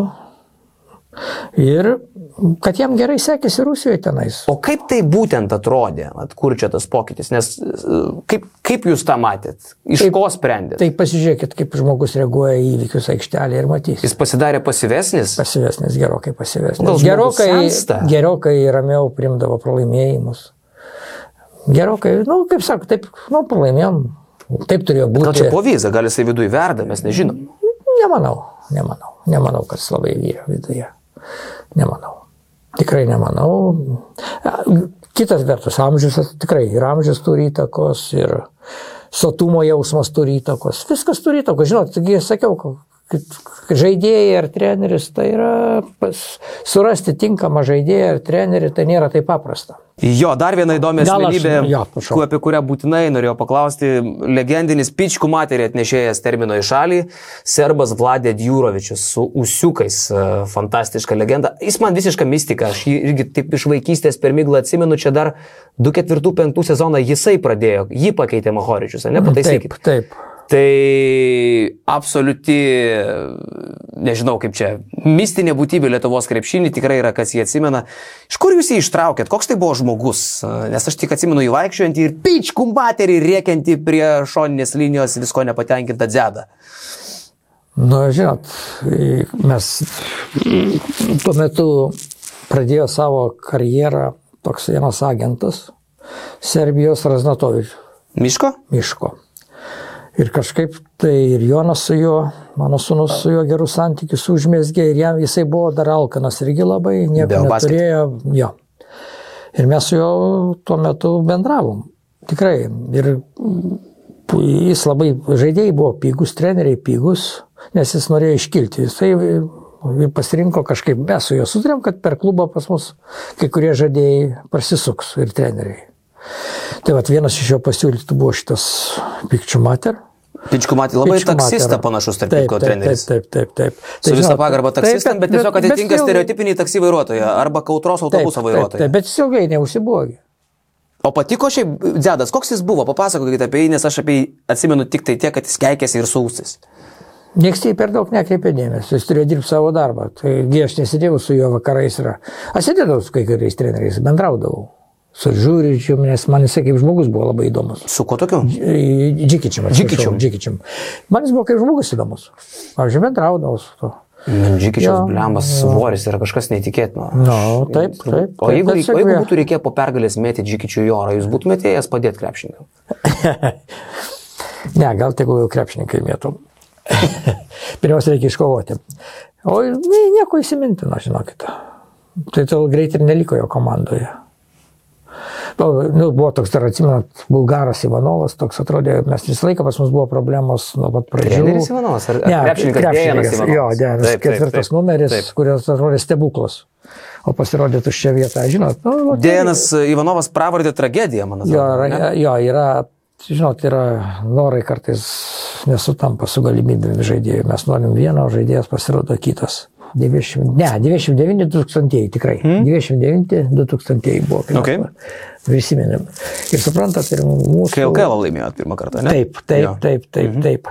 Ir suprantat, ir mums, kaip sakiau, norint pirmą kartą laimėti Europos taurę, mums reikėjo ketvirto numerio gero. Ir tada mes buvom tokie įžūlus, kad e, paprašiau aš Kalmanovičius, kad parodytų man ketvirtą numerį. Kur parodytų? Atvežtų į Vilnių, nes aš nenorėjau mokėti, tuo metu buvau dar toks įžūlus. Žalgirio savininko paprašėt, kad jums Taip, atvežtų į Vilnių. taip, tai Žalgis jau buvo išėjęs iš Žalgirio. Bet Nieko kažkaip mes susitikom. Aš tik apie Eliotą girdėjau, kad Eliotą jis jis mums- vežė jis mums- šaptajus. Ne, jis mums davė Eliotą, taip, žalgirį nuridėt, norėjo, kad dvi komandos būtų, čia buvo labai įdomus jo sprendimas. Ir paskui, kai supratau, gal reikia pasinaudoti truputį ir sakau, tu labai dabar sukeisti tam, žalgirio nebetreniruoji, bet sukeisti tam pasauliui. Sako, Čia dėl to, kad šaptajų su Wagnerium suvedėt, čia jis taip dėkoja jums už tai. nežinau dėl ko, jis tikras žvalgybininkas, jis moka dirbti. Bet jūs šaptajų irgi gerai apsuko toje knygoje ir rašot pats, kad e, sakot, aš tau pažadu šaptajų susitikimą su Wagnerium. Taip. Nors jūs žinojot, kad Wagnerius Münchenė šiaip ar tai bus. Bus. Taip, nu tai čia natūralu. Už tai ir išgeriam. Gerai. Tai. Ir, tai va, ir jisai, jisai kažkaip tai normaliai sutiko ir jis pats atvažiavo. Jie atsivežė agentą ir atsivežė žaidėją. Kelecevičių, kaip dabar atsimenu. Ir suprantate, ir jisai mums aikštėje valandą rodė, ką moka. Tai buvo, įsivaizduojat, koks lygis Jis paskui buvo. gerą karjerą turėjo šiaip. Tai vad suprantat, ir jisai pasakė, ir šaptais, tas agentas sako 200 tūkstančių. Mūsų tie pinigai buvo gal ten, žinai, 3 ar 4 žaidėjų tuo metu. Ir aš sakau, ne. Nu gerai, sako, kaip jums šaptai 160 tūkstančių dolerių. Šaras, ta Šaras, sakau, šaptajus agentauja jam? Ne, jisai Kaip čia? nu, šiaip kažkaip tai vyko iš kalbos. 160. Mes sako, susitarsime su jos agentu. Sakau, ne per brangus. Ir aš žiūrėjau, jisai paskui labai gerą turėjo ir Vokietijoje labai gerą karjerą mm. turėjo, ir Ispanijoje, ir tai man vat, liko tas, suprantat. Ir tada mes paėmėm ketvirtų numerio įdėti, o žaidėtis gynyboje gal ir gerai ir tvarkėsi, bet metimo jokio nebuvo. Jį visi palikdavo laisvą, jis niekada visą laiką lanką pataikydavo. Ir jūs pusfinalį pralaimėjot Saportai. Taip, Tai sakot, su Kelečevičiu Mes būtumėt būtumėm laimėję. Finalą, finalą būtumėm laimėję. LKL laimėjo, tai netoks ir blogas Na, taip, bet, sezonas. bet, bet būtumėm laimėję ir tenais. Mhm. Tai va, vieno žaidėjo problema ir tas, kad dar tu negalėjai, nu, kreditą paimti, negalėjai kažkur tai pinigų, labai žiūrėjai, kad įtilptum į biudžetą, kurį tuo metu turėjai. O tuo metu biudžetas buvo nedidelis tikrai. Širdžiai mėliausias legionierius e, Eiconas, e, Hausas, Štelmacheris, Muezinovičius, Nilsenas, Bairamovičius, kuris jums iš tų uh, tuo metu stipraus ryto krepšio. Raisas, Praisas galų gale.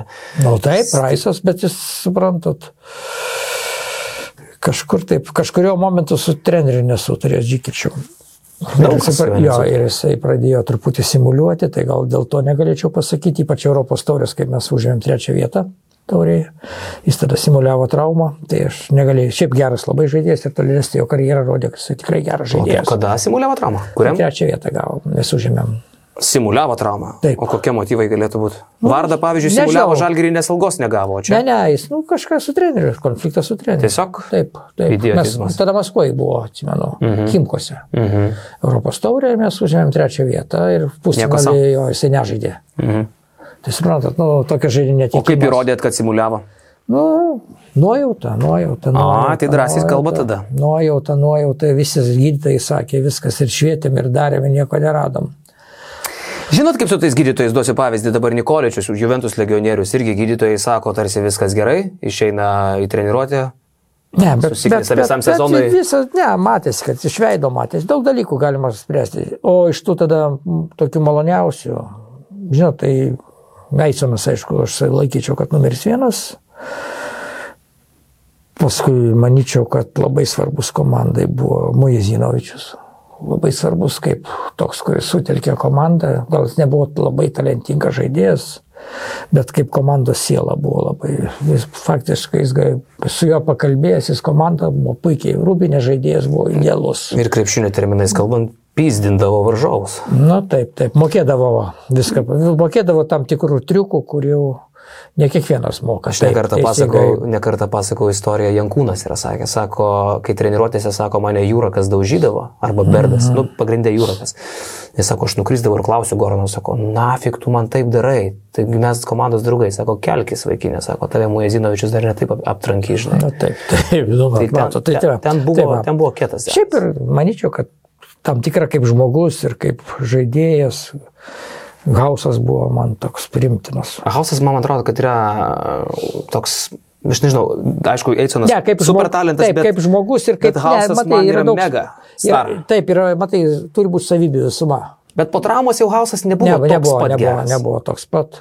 Bet sakau, man svarbu ne tik kaip žmogus aikštelė yra, bet kaip ir žmogus, vis, kaip žmogus visuma.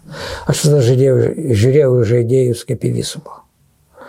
Ne vien koks jis aikštelė yra, bet jis koks jis yra gyvenime, kaip jis elgesi, ką daro, kaip ką. Tai vat, man buvo labai svarbu šitie dalykai, nes jeigu žmogus yra nu, žinai, kartais ir banditai gerai žaidžia krepšinį, bet geriau, kad žmogus mokėtų elgtis visuomenėje. Jūs labai atvirai savo knygai rašote apie savo sūnų Joną Vainauską, netgi nelabai gal ir tikėjausi tokio atvirumo, jūs atvirai kalbate apie visas įdas, apie alkoholį, apie narkotikus ir taip toliau, ir kiek tai kenkia jam pačiam, netgi apie jo vaikystę, kalbat, kaip jisai krepšinio mokykloje a, grasindavo savo tėvų ir savo tėvo įtaką ir kad jau tada būdavo daigai tokio gal šiek tiek pasipūtimo ir arogancijos ir nesuvaldė Jonas savo talentų ir nesukovojo su savo demonais. Kaip GM vis dar tai yra labai heroizuojamas žmogus, net ir dabar interneto komentaruose, jeigu tik paskaitysit, visi sako, nu, vad Jonas Vainauskas būtų, gal dar čia kažką iš to ir galėtum išpešti. Kaip Jūs galvojat, e, kiek daug Jono Vainausko, e, arba gal net kitaip paklausiu, gal tiesiai paklausiu, kokie būtent e, sezonai buvo Jono Vainausko pergalės?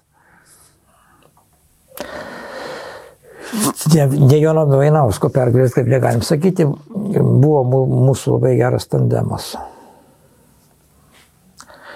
Jis buvo jaunas, daž- dažnai karštakošius, aš šiek tiek su patirtimi. Ir kažkaip mūsų abiejų, jis kai kada žaidėjus nužiūrėdavo, parinkdavo, kai kada aš. Visai geriau, supravo, tokius su serbais geriau sutardavo, kur aš nelabai rasdavau kalbos. Bet fa faktiškai serbus jisai ko- kontroliavo. Tie, kurio komandai žaidė serbai, tai jo buvo žaidėjai. Manau, nu ką, aš, pavyzdžiui, Eitsoną pasiūliau komandą paimti. Jis Strasbūrė. man yra sakęs, kad jis. E, Nu, tegul tik nesako, čia Strasbūrė žaidė, aš atsimenu net jį. Aš žiūrėjau tas rungtynės ir sakau, į žalgyrį reikia jį paimti. Jo, ir tada, bet jisai, žinot, kitos komandos jo neįvertino, jo pozicijos. Jisai turi būti žaidėjas, jis buvo gimęs žaidėjas, o ne koks atakuojantis gynėjas.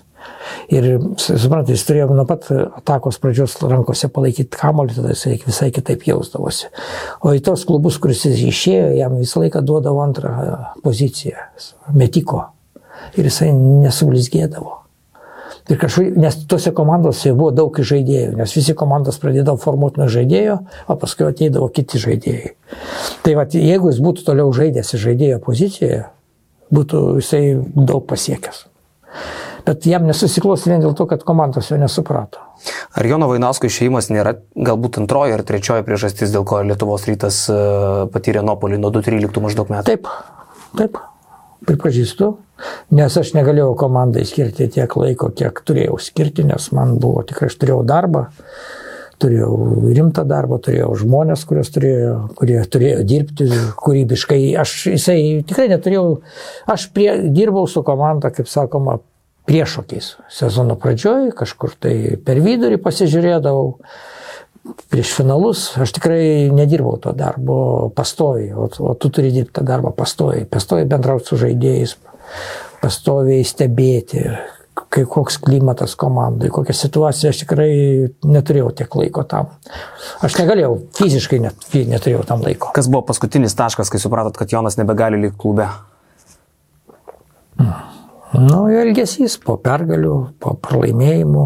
Turite omeny šelionės ar, ar arogancija? Taip, taip tai šelionės. Arogancijos nebuvo, jisai gal toks įspūdis tik susidaro, kad jisai arogantiškas nėra, arogantiškas pasipūtęs, bet jisai tapdavo nevaldomas. Tuo metu tu negalėdavai komandai visą laiką atleisti.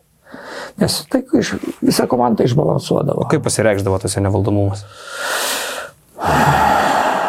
Darau, ką noriu.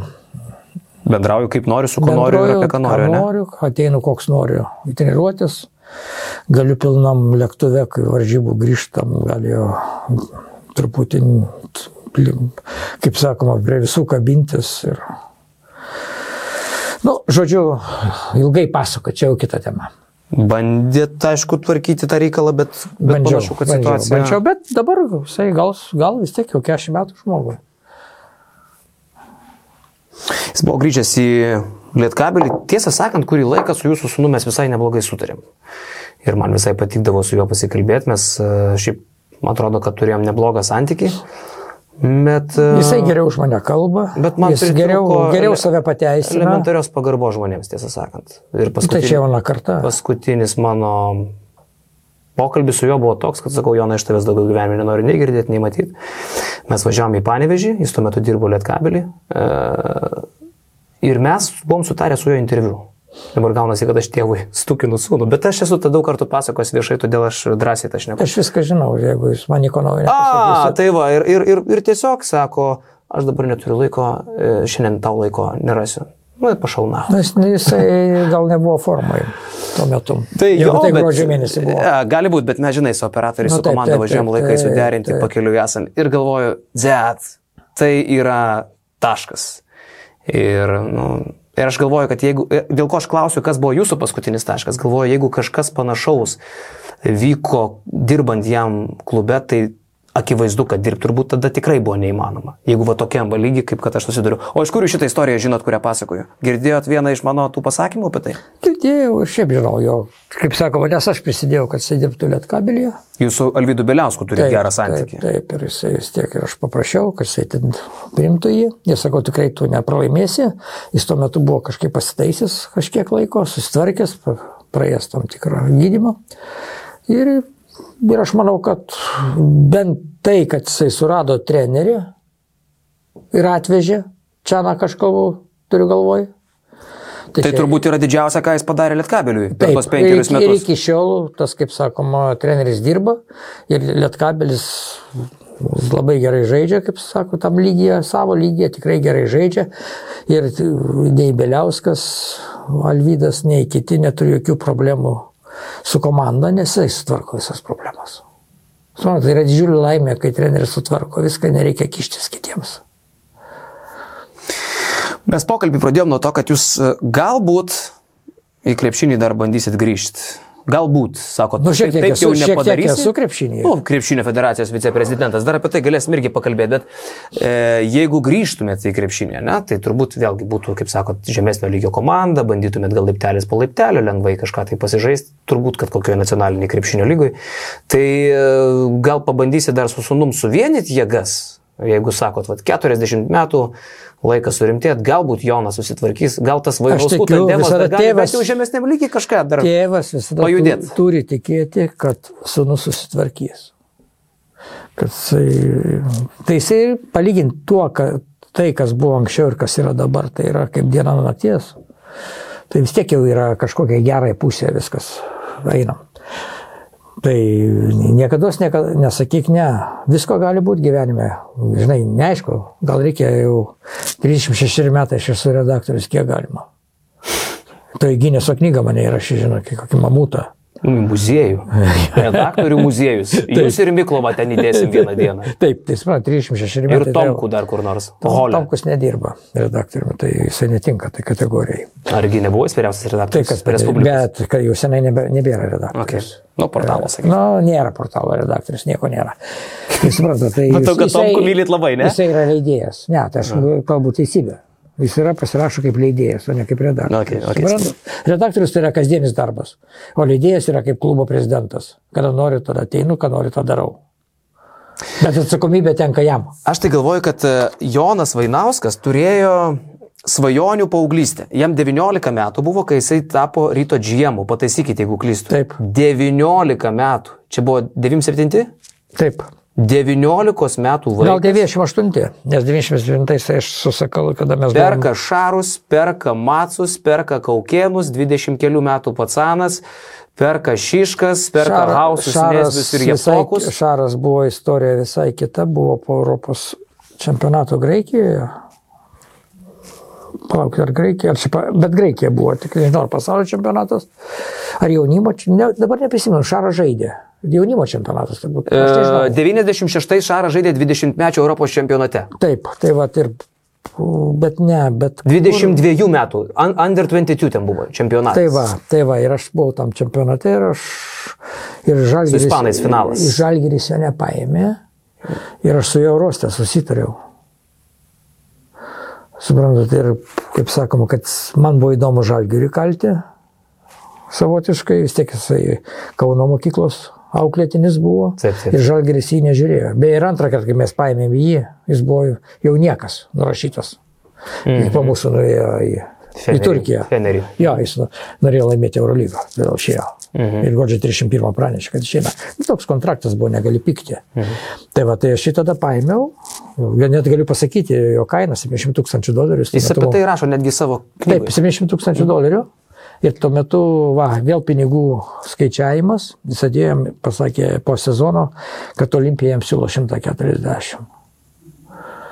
Na ir sakau, nu, Šaptajaus reikėjo prašyti. Ne, ir, ir suprantat, ir aš tada, jeigu būčiau žiūrėjęs bent jau penkerių metų senumo akimis, aš būčiau jį pasakęs gerai, aš tau tai paduosiu. O žinot, po e, dviejų dar metų kokį kontraktą su Barsa pasirašė. 2,5 milijono už 3 metus. Na tai va, tai matot, kaip viskas tai va. Tai čia sakau, tai va yra klaidos, nes tu 140 pagalėjai, pagailėjai, tu galėjai kažką tai porą žaidėjų atsisakyti, bet jį pasirinkti, bet mąstymo dar nebuvo tokio, suprantat, jisai neatsiranda. Tu krepšinį žiūrėjai kaip mėgėjas daugiau. Aš vis tiek buvęs dviratininkas labiau galvoju, apie tą sporto šaką išmači- mašiną išmaniau. Krepšinis tai mūsų buvo visų, kaip sakoma, širdise, galvose, bet mes nebuvom tie. Tai jau man gal mano ir valdymas skiriasi nuo to, nuo primityvaus krepšinio supratimo. Bet- krepšinį žiūrėjau plačiau. Bet šiaip drąsų 19 metų sūnų į tokias funkcijas įdėta, ne? Nu, ką jis tokio turėjo, kaip jūs... Jisai žaidė krepšinį. nusprendėte Žaidė, krep, jis žaidė krepšinį, reikalą tvarkyti? todėl turėjo supratimą. Bet realiai dar vaikas, ne? Taip, taip. Šiais laikais tai būtų turbūt neįsivaizduojama. šiaip jis būtų geras krepšininkas buvęs. Aš labai gailiuosi, kad tada kažkaip dėl jo charakterio Marčiulionis jie, jo atsisakė. O rimtai krepšininkai žiūrėdavo į Patsaną. 23, 4, 5 metai Europos taurės klubo Žinot, žinot kaip, kaip dabar atrodo, tai niekas nežino, nežinojo jo metų pirmiausia. Visi plikas visą laiką Jo, būdavo, ne? ne, jis tuo metu Pusplikis. dar nebuvo pusplikis, bet suprantat, aš. kai apsirengė kostiumą visada, žinai, kai žmogus, jaunas žmogus nori save pasendinti. Va, ir atrodys solidžiai. Taip, visada balti marškiniai, kaklaraištis, kostiumas, žinai, tai tada kitaip atrodai. Fanams vakarį Taip, taip, taip, taip. Su- Nu, turi savo Su apsauga, Taip, taip. kaltis. Jis nori, nori jisai tą padaryti, žinai. Ne amžius esmė. Manau, tikrai talentingas gali būti ir 18 metais, talentingas gali būti ir 60 metais. Nes, nes paimti ir ką, Boradovičių trenerių, nu, žinok, nedaug tokių yra, kurie da- daugiau kaip 60 metų ir dar treniruoja ir atiduoda visą save rungtynėms. Tokių tikrai nedaug yra talentų. O, o, Šeškus priminė, paskutiniam pokalbį, mes apie Šeškus šiandien gal šeštą kartą šnekam, bet ten toks smagus pokalbis ir apie jūs nemažai šnekėta. Sako, Gedvydas koloje dar 10 tūkstančių eurų liko, sako, pažadėjo, ten buvo mažas jo kontraktas, sako, treneri, aš tau dar 10 štukų duosiu, sako, dar nedavė. Tai vad keli žmonės klausė, kur Šeškaus 10 tūkstančių, ar litų ar eurų, vėl nežino. Tai lytų. Bus dar? Lytų. Na, Vanis, jeigu taip jau, aš turiu prisiminti, kas ten įvyko. Kodėl... Pasukit po laidos. Ne, kas ten įvyko, kodėl aš taip. Kontrakte aišku nebuvo. Taip, dantis mes jam sudėjom. Paskui išmušėt. Paskui išmušėm. Gal, gal po to, kai treniruotė netėjo, man nebenorėjom aš ją mokėti, kai jisai truputį vieną šeštąjį treniruotė netėjo. Bet ir kontrakto sudarimas buvo įspūdingas. Sakė taip. Sako, man pažadėjo 10. Atvažiuoju į redakciją ir galvoju, tas 10 čia litų ar eurų. Ir paklausiau, sako redaktorius. 10 čia, Lietuviams lyto. čia litų ar eurų? Ne, tai sako, aišku, kad litų. Taip. Nu gerai, sako, dar tau užkūrė 2000. Tai 12 gaudavo 1000 litų. Gerai prasisukot, Gedvidai. Gerai. Gerai, gerai, bet tai lietuvis tuo metu turėjo iš prienų gauti lytais. Nu, jisai kaip gali gauti treneris iš prienų eurais. Bet Bet prigavot virgelį biški. kaip ir gavo? Tai jis galėjo grįžti. Bet už 10 štukų eurų, ko gero, pradžiai galvojate, ne, kad susitarsit. e, Bet Visa- kai paklausėte, Visada treneris, sakai 10 tūkstančių, o tik paskui sukonkretinė. Maladėts. Taip, esate dar vat, pasitarę su kokiu nors lietuviu panašiai, kad litų eurų. Ne, daugiau, daugiau, iš, prie, daugiau iš prienų ar pasvalio nebuvo žaidėjų ir trenerių. Su kuriais galima taip gerai sutarti. Taip. Maladėts. Paskambinkit Virgiui po laidos, jisai laukia. Ar gailitės, kad ryte taip ir nesužaidė Paulius Jankūnas, su kuria beveik buvote sutarę? Dovaidas klausė. Iš tikrųjų, man atrodo, gal 2009 metais prieš einant į Himkus, ar jau po Himkų dabar reikėtų prisiminti, Jankūnas yra pasakojęs, kad buvo viena koja ryte ir tada jie atkalbėjo berots. Uh, Paulius Motejūnas, kuris įkalbėjo Romanovą, kad reikia pasimti Jankūną, nes jau praktiškai jis yra ryte. Pamena šitą istoriją. Gal čia daugiau yra blefo reikalas. Jankūnas Gal buvo, gal, buvo, gal buvo kalba, bet nebuvo konkreti labai kalba, nes aš, žinot, paimti į žalgerio žmogų tais laikais, nu, pas juos buvo kitas mąstymas, kitas supratimas, buvo labai sunku. Neįtikėtina. Todėl mes kartais paimdavom, gal kartais iš principo paimdavom, nu kaip ir, tarkim, Kestutis Šeštokas, Jasikevičius. Woodbury, dar 2000 Taip, palaukit, bet, nu, šeštokas suprantat, jisai jau, nu, ne, ne tas žmogus, kuris jis buvo reikalingas, viskas tvarkoja, bet nebuvo tas savo kojų savybių ir viską, nu, ne ta, bet tai buvo... Na, bet ar čia mūsų- apie kojas ar apie žalgeris Ne, rytas mūsų, faktorių? Mūsų faktorius, šia faktorius buvo. Svarbu buvo parodyti, kad pas mus ateina žaidėjai iš legendės komandos. Nu, vis tiek žalgeris Taip. legendė komanda ir tai buvo labai... Su Jankūnu buvo gan tolimas susitarimas, tolimas toks pokalbis, toks ūkos, rūkė toks gal daugiau. Jeigu taip, tai taip, jeigu taip, tai taip, galbūt, ar, nu, tokie, žinai, visokiausi niuansai. Tai tikrai būtų metėmė Jankūną. Aišku, tikrai, bet man atrodo, mes arčiau buvom susitarimo su Mačiuliu. Mhm. Kažkada. Yra tekę girdėti irgi apie tą Taip, variantą. taip. Na ir jisai kažkaip tai ir buvo lemiamų momentų. Jis vis dėlto, suprantat, nugalėjo, kaip Kaunas sureaguos. Kokie jūsų santykiai su žalgerio vadovais, tiek buvusiais, tiek esamais? Pavyzdžiui, Paulius Matijūnas turi savo mėgstamą frazę better dead than red. Čia atėjus iš, iš sovietinių dar laikų ta frazė, bet dabar pritaikyta rytui. Gediminas Navikauskas e, tikrai niekada nebuvo didelis jūsų fanas ir labai daug kaldavotės bent jau užkliusiuose. Tai tikrai šiaip ta prieš priešą turbūt tarp klubo vadovų ryto ir žalgerio būdavo net didesnė negu uh, apie Romanovą aš iš vis nekalbu. Net didesnė negu tarp fanų kitą kartą. Iš mano Kaip, pusės. kaip su Ne, žalgerio vadovais ryšys buvo ir, ir, Iš ir yra? mano pusės nebuvo tikrai jokios tokios negatyvumo jokio nebuvo. Tokio, aš paprasčiausiai neturėjau laiko tam, tikrai patikėkit. Buvo, aišku, labai gražus laikai, kai laimėjo Eurolygą ir kai buvo savininkas e, Martinkievičius.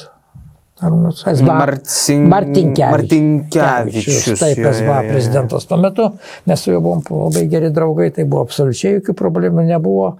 Suprantate, didesnė prieš priešą gal buvo iš žalgyrio pusės vien dėl to, kad jie nenorėjo antros komandos stiprios Lietuvoje. Suprantate, net pirmiausia dėl finansinių savybių.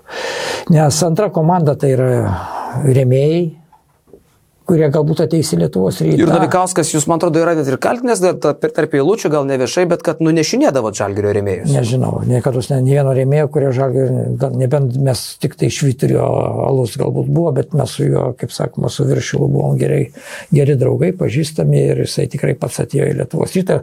Viskas prasidėjo nuo Kučinsko, beje. Bet ar tai ne, buvo nėra tokie- normalu konkurenciniai žmonės. kovoje pabandyti pavogti rėmėją iš Na, nežinau, varžovo? nežinau, Ne vieno rėmėjo nepavogėm. O kitas dalykas, suprantate. Perviliot pas Tai save. esmė buvo ta, man atrodo, Motijūnas tą labai puikiai jautė, kai mes žaisdavom Eurolygoje. O mes vis tiek šešis kart žaidėme Eurolygoje. Tai pinigai buvo dalyjami. Tu negaudavo Lietuvos rytas ir žalgeris kažkaip tai atskiros sumas. Pinigai Lietuvai. Buvo pinigai skirti. Mhm. Tam tikri žalgis, aišku, gaudavo du trečdalius, mes trečdalį, bet mhm. ir trečdalį praradimas buvo didelis. Tai buvo interesas, kad žaistų viena komanda, kuri, kaip sakoma, susirenka viską. Tai va, čia buvo gal tas pagrindinis dalykas. Buvo klausimas man tas Gasparačius, kokia Gedvydo nuomonė apie Gediminą Navikauską? Apie Žemelį kalbėjom, apie asmenybės, vad pašnekam. Apie Gediminą Navikauską. Kokia nuomonė? Tik kad taip senai buvo tam žalgyrėje.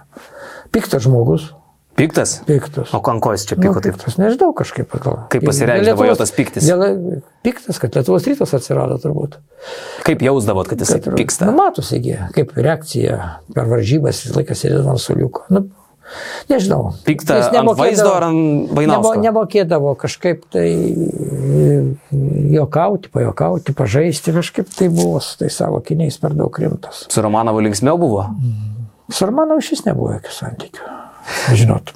E, Dar klausė Mantas laidoje, e, Jarutis, Rolandas Jarutis Vulkovskio laidoje užsiminė apie netikėtai kabutėse Jono Vainausko pribūdintus penkis asmenius, kurie skolino, ale toks klubo rėmimas, klubui pinigus ir po daugelio metų sugalvojo susigražinti iš klubo tuos pinigus. Kas tie asmenys, klausė Mantas, ir kodėl prie nustekento klubo atsirado ieškiniai iš tų asmenų. Jarutis kaip ir aiškiai užsiminė, kad niekas nebūtų nieko ieškoję, jei klube būtų Jonas Vainauskas. Gal galima plačiau apie tuos penkis paslaptingus asmenys, apie kuriuos kalba Jarutis, kurie neva paskolino, paskui atėjo savo pinigų pasiimti ir prasidėjo ieškiniai. Jūs kažką žinote apie tai? Ne vieno ieškinio nėra.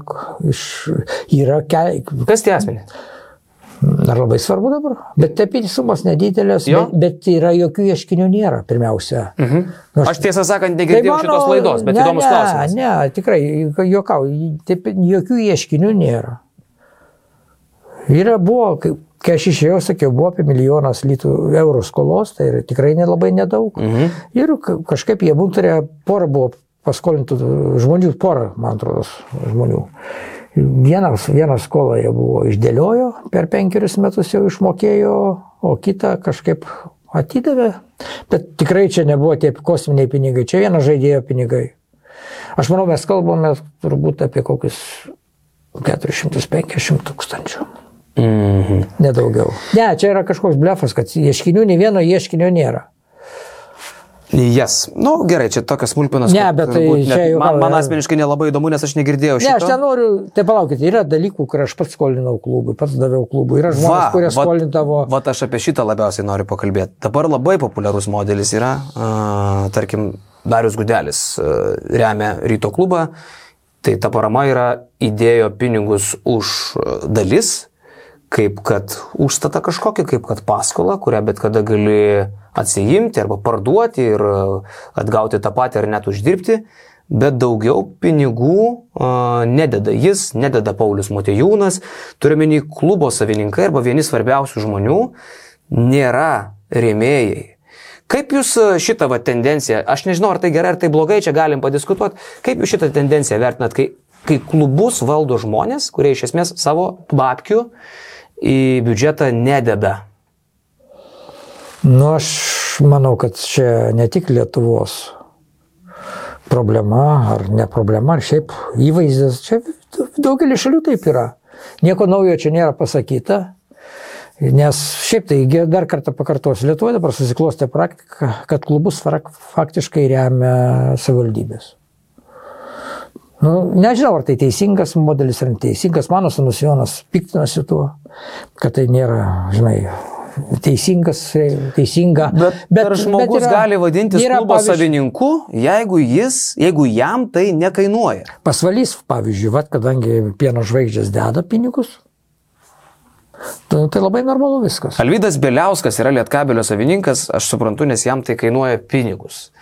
Vladimiras Romanovas iki kol mokėjo pinigus, jam tai kainavo davė, pinigus. Davė, vėliau, kredi, davė kreditus. Vėliau paaiškėjo, kad jis irgi buvo Kredit, savininkas. Taip, taip. taip. E, bet e, tai gerai, yra, buvo, jūs, sakykime, savo ruoštų, ar ne, nepataikant, Tiesiog faktai tokie, jūs dėjot savo šaibas, pats kalbate apie tos 10 milijonų eurų. Kur yra uh, savininkiškumas, kai tu nededi pinigų? Man šitas labai keistas yra niuansas, nes tai yra paskolos, netgi kai kuriais atvejais tai yra ir biznis, tu gauni procentą kitą kartą už, uh, už tas uh, paskolas. Man įdomu. Buvo ir mano laikais, kai reikėdavo, nebuvo pinigų, reikėdavo skolintis kad žaidėjams būtų laiko išmokami atlyginimai. Aš turiu meni, kai tu skolini kaip, kaip dalininkas klubui pinigus ir paskui gauni kaip, kaip procentais atgal. Kaip dalininkas, kai esi kaip dalininkas, negali skolinti pinigų pagal Lietuvos įstatymus. Suprantate, tu gali skolinti pinigus be procentų. Jokių procentų negali gauti, kai esi dalininkas. Linas Kleiza nebuvo dalininkas e, ryto komandai. Aš nežinau dabartinės komandos, kas jis buvo tuo metu. Aš tik galiu pasakyti, kad pagal mokė Lietuvos įstatymus dalininkas gali paskolinti pinigus tik be procentų. Mhm. Okay. Bet paskolinti. Paskolinti, bet be procentų. Gali tos skolos neatsimti ne, ne, ne vėliau, ne? Iš esmės. Mes, skolos gavosi parama. Taip, mes irgi, pavyzdžiui, kai palikau klubą, mes irgi buvo paskola iš Lietuvos ryto 100 tūkstančių, mes palikom ją kaip lab, paramą. Labai įdomus pašnekovas, super idėja jį pasikviesti, sako Davidas, būtų gerai, Karoli, kad paklausinėtum Vainausko apie Darių Gudelį, kadangi to žmogaus tikrai niekur nepavyks prisikviesti. Šį sezoną net nesimato jo rungtynėse. Pavyzdžiui, aš tai mačiau. Pavyzdžiui, kodėl Gudelis vis dar laikosi ryto klubo, buvo ne vienas jam pasiūlymas nupirkti iš jo dalis, bet jis vis nesutinka, kodėl nesudaro nedaro komandos biudžeto pristatymų, čia kita tema, apie tai irgi galim šnektelti, bet iš tikrųjų bendraujat su Darim Gudeliu. E, įsikibęs jis klubo ar ne? Tai jūs jo ir paklauskite, aš negaliu už jį atsakyti. Nu, aš tikrai negaliu. Aš, aš jį gerai pažįstu, taip, mes porą kartų per metus sustinkame. Kaip jis atsirado klube, e, iš esmės? Nu, jis, kodėl jisai buvo krepšininkas? Jis tą sporto šaką mėgsta. Ar jūs jau tai buvot po truputį numatęs pasitraukti ir ieškojot žmonių, kurie perims komandą ir ne, po truputį prisileidinėjo tuo, met, tuo metu, vienu metu aš jam par, pardaviau vieną dalį.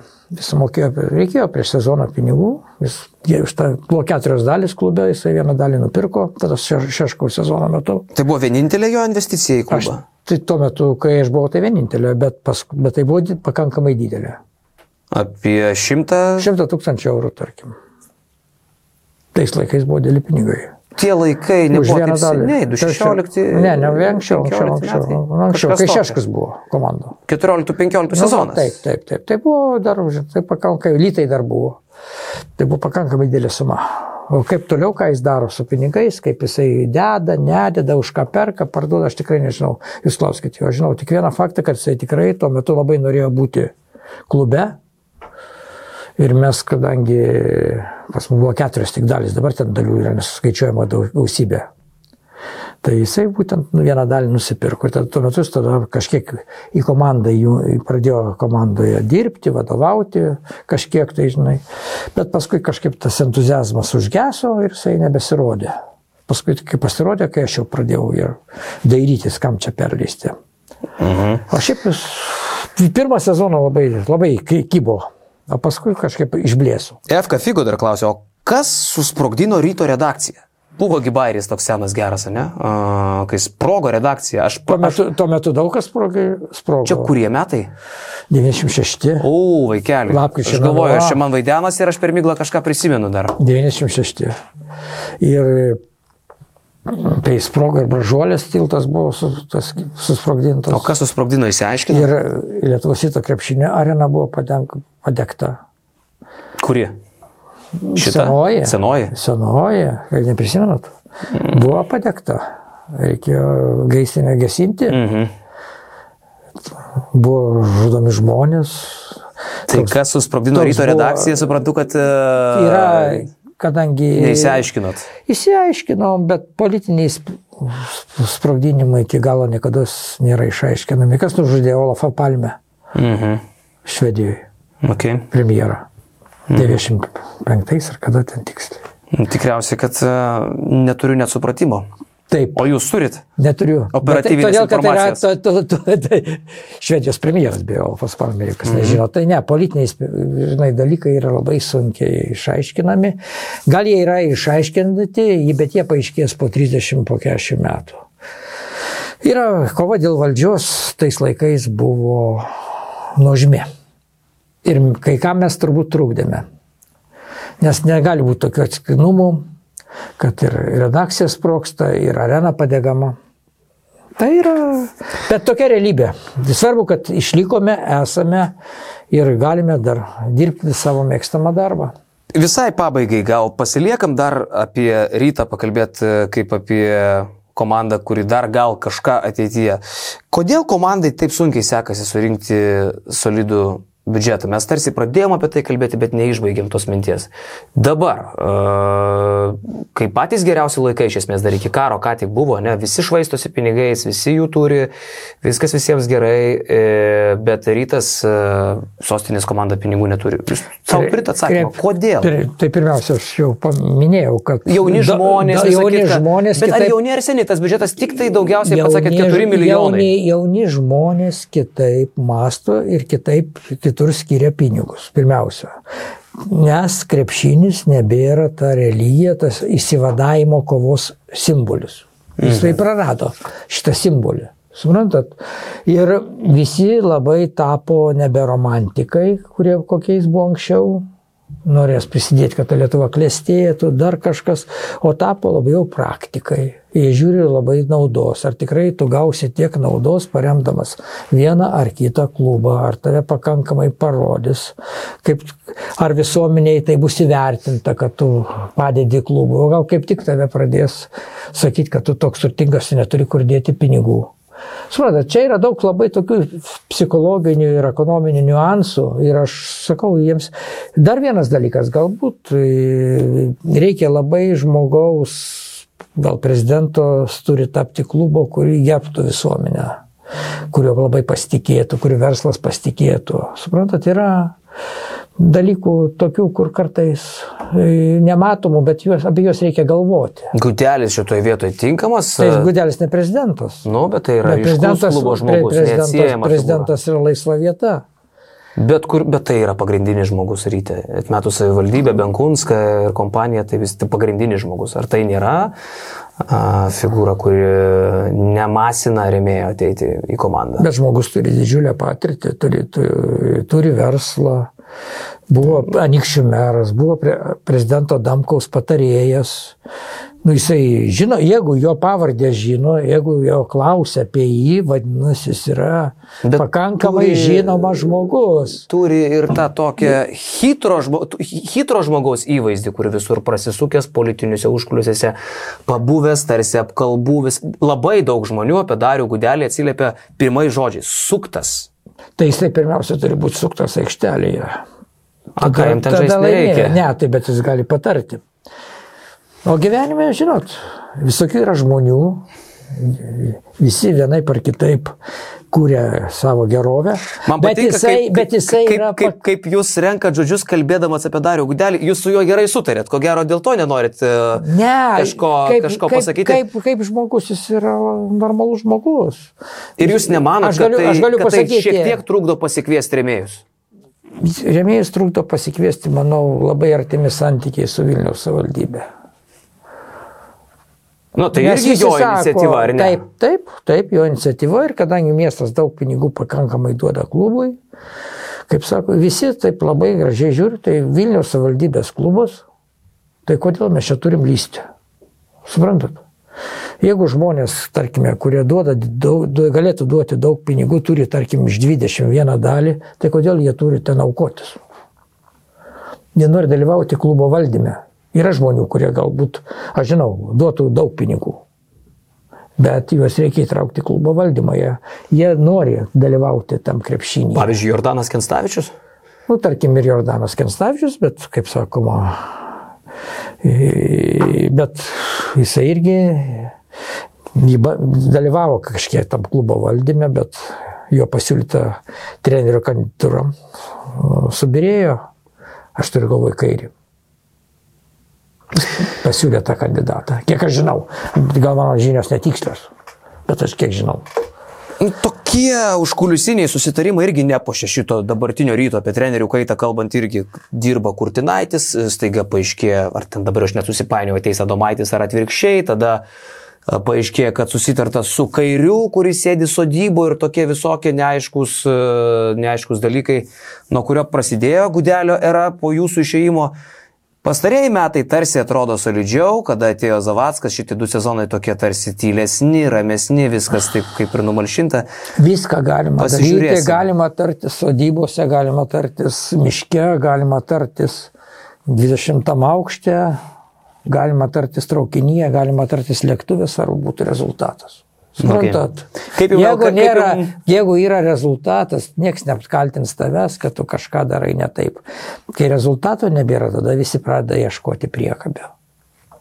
Kaip jums darbas federacijai? E, dabar esate vienas iš kelių e, federacijos viceprezidentų. Mes prieš laidą šiek tiek pasikalbėjom, kad nėra, kad labai ten aktyviai kažką darytumėt. Ne, ne, ne, yra kartais pasidaliname nuomonėmis. Ir tai yra būdas šitą mano gyvenimo laikotarpį netitrūkti nuo krepšinio. Važiuoti į Kauno į federaciją ar Taip. telefonu pasiskambinat? Ne, Vieną kartą per savaitę tikrai būnu Kaune. Oho, tai e, su visais viceprezidentais Kleiza, Kartais, kartais nebūna. Pačėsas. Nebūna visų kartais, bet, Milašius. pasika, bet pasikalbam. Pasikalbam yra gera proga pabendrauti, netitrūkti nuo įvykių, nuo krepšinio visuomenės. Čia buvo Mindaugo Balčiūno idėja, aš atsimenu, jisai prieš pat e, rinkimus sakė, kad geriau turėti uh, garsiai kalbančių žmonės su uh, kartais aštriom nuomonėm šalia savęs, kaip kad Kleiza ir Pačiasas, ar Milašius, kurie tikrai garsiai ir aštriai pasisako, negu juos turėti už federacijos durų, kad, uh, nes tada jie bus tik pavojingesni. Ką veikia šitie viceprezidentai iš esmės? Ką jie duoda federacijai? Minč, pasidalymas mintimis. Jau tai davė tiesioginės naudos. Aš manau, davė porą kartų, taip tikrai buvo įsakyta daug gerų minčių, kurios, manau, buvo, kurios, kaip prisimenu, buvo priimtos. Nu, jeigu nepaslaptis. Aš nelabai ne, ne, nelabai dabar galiu pasakyti. O puoselėt gal minčių ateityje ir daugiau kažką federacijų veikti? Ne, ne. Nedomina? Ne, tai, pa- palauk, jeigu aš būčiau tavo metų, aš nebūčiau ten, nes vieną kartą per savaitę nevažiuočiau. Aš važiuočiau gal kas savaitę, du kartus ir kažką bandyčiau. Man jau už mėnesio buvo, mažiau kaip už mėnesio, 67, atsiprašau. Švesit? Man Kanarijoje. šve, amžių švesti. Baigit. Jūs sakėte- Reikia tik tai atlikti pareigą. Sakėt, į Gran Canariją važiuosite, ne? Aš važiuoju 20 metų, toj pačioje vietoje švenčiu savaitę. Tai va. Tai Žinot, aš atėjau jaunas palyginti krepšinį. Tai buvo geras laikas. Bet dabar jau reikia, žinot, kai tau jau tiek metų, jau turi prisiversti. Turi jau kažką tai tikrai daryti protingai, nešvaistyti jėgų. Turi jau, jeigu subręsti, turi padaryti gerai. Man buvo labai įdomu su jumis pasikalbėti, aš e, keletą, sakiau, porą metų Aš maždaug dar, bandžiau tiek, ne- aš, tiek, aš dar tiek nekalbėjau, nežinau, kas čia man užėjo. Nu, buvo labai įdomu. Jūs seniai kalbėjot, jūs turėjot pasilg pabendrauti. Penker, prieš penkerius metus. Penkeri metai praėjo, kai Taip. sugrįžot kažkur pasivaidenti Kažkur, ekrane. taip, taip. E, mes paskutinį kartą su jumis išsamų pokalbį turėjom tokį ir įsamų iš tikrųjų. Mes kalbėjom su jumis vieną kartą. Dar Taip. tuo metu aš dirbau ryte. E, tiksliau, dar nedirbau. Prieš dirbant. Mes Taip. susitikom Gedimino 12, e, Lietuvos ryto redakcijos kavinukai. Ten suvalgiau sriubos. Atsisėdau, atsimenu, nelabai suprantu, kas vyksta, nes nu, atvažiavau realiai pasižiūrėti, o apie ką mes čia pakalbėsim. Nes dirbau tuo metu žalgerį ir net neturėjau realios minties, kad mes galėsim ten susitarti, nes kaip tai yra įmanoma. Ir mes kalbėjom su... Uh, tai su daug ko kalbėjau prieš šitą laidą ir buvo tokia mintis įsakyta, kad ne visi tikrai pritarė ryte, e, kad aš ten ateičiau. Man tiesą sakant visą laiką norėjusi paklausti, paimsiu ir podcast'e pas save paklausiu. Kodėl jūs po Vilniais šitą žalgrėtį kvietėte rytą? Todėl, kad išžvelgiau jame talentą. Ir tai rodo šitą laidą. Jūs žinot, kad aš žalgerį myliu. Nu koks skirtumas, ką kas myli. Meilė ateina, praeina. O, o gyventi reikia toliau. Nepraėjo. Bet, e, bet buvo geras laikas. Buvo labai geras laikotarpis, buvo labai įdomus e, tie trys metai ryte. Ir aš atsimenu, kai jūs išėjote iš e, klubo, tai, žinot, e, čia kaip, lemba, kažkas yra pasakojęs, ta prasme, ai, Justinas Jankievičius sako, atėjau į LNK vieną dieną ir sako, kaip LNK mane atleido, ar BTV, BTV. Sako, tiesiog užrakintos duris. Vsio, žinai.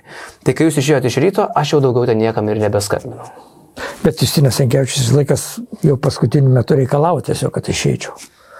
Iš kur? Iš, iš, iš Lietuvos. Jis buvo toks, matai, jisai vis tiek kažkoks fanas yra. Yeah. Ir buvo vienas iš tų, kuris jau mane tiesiog viešai reikalavo.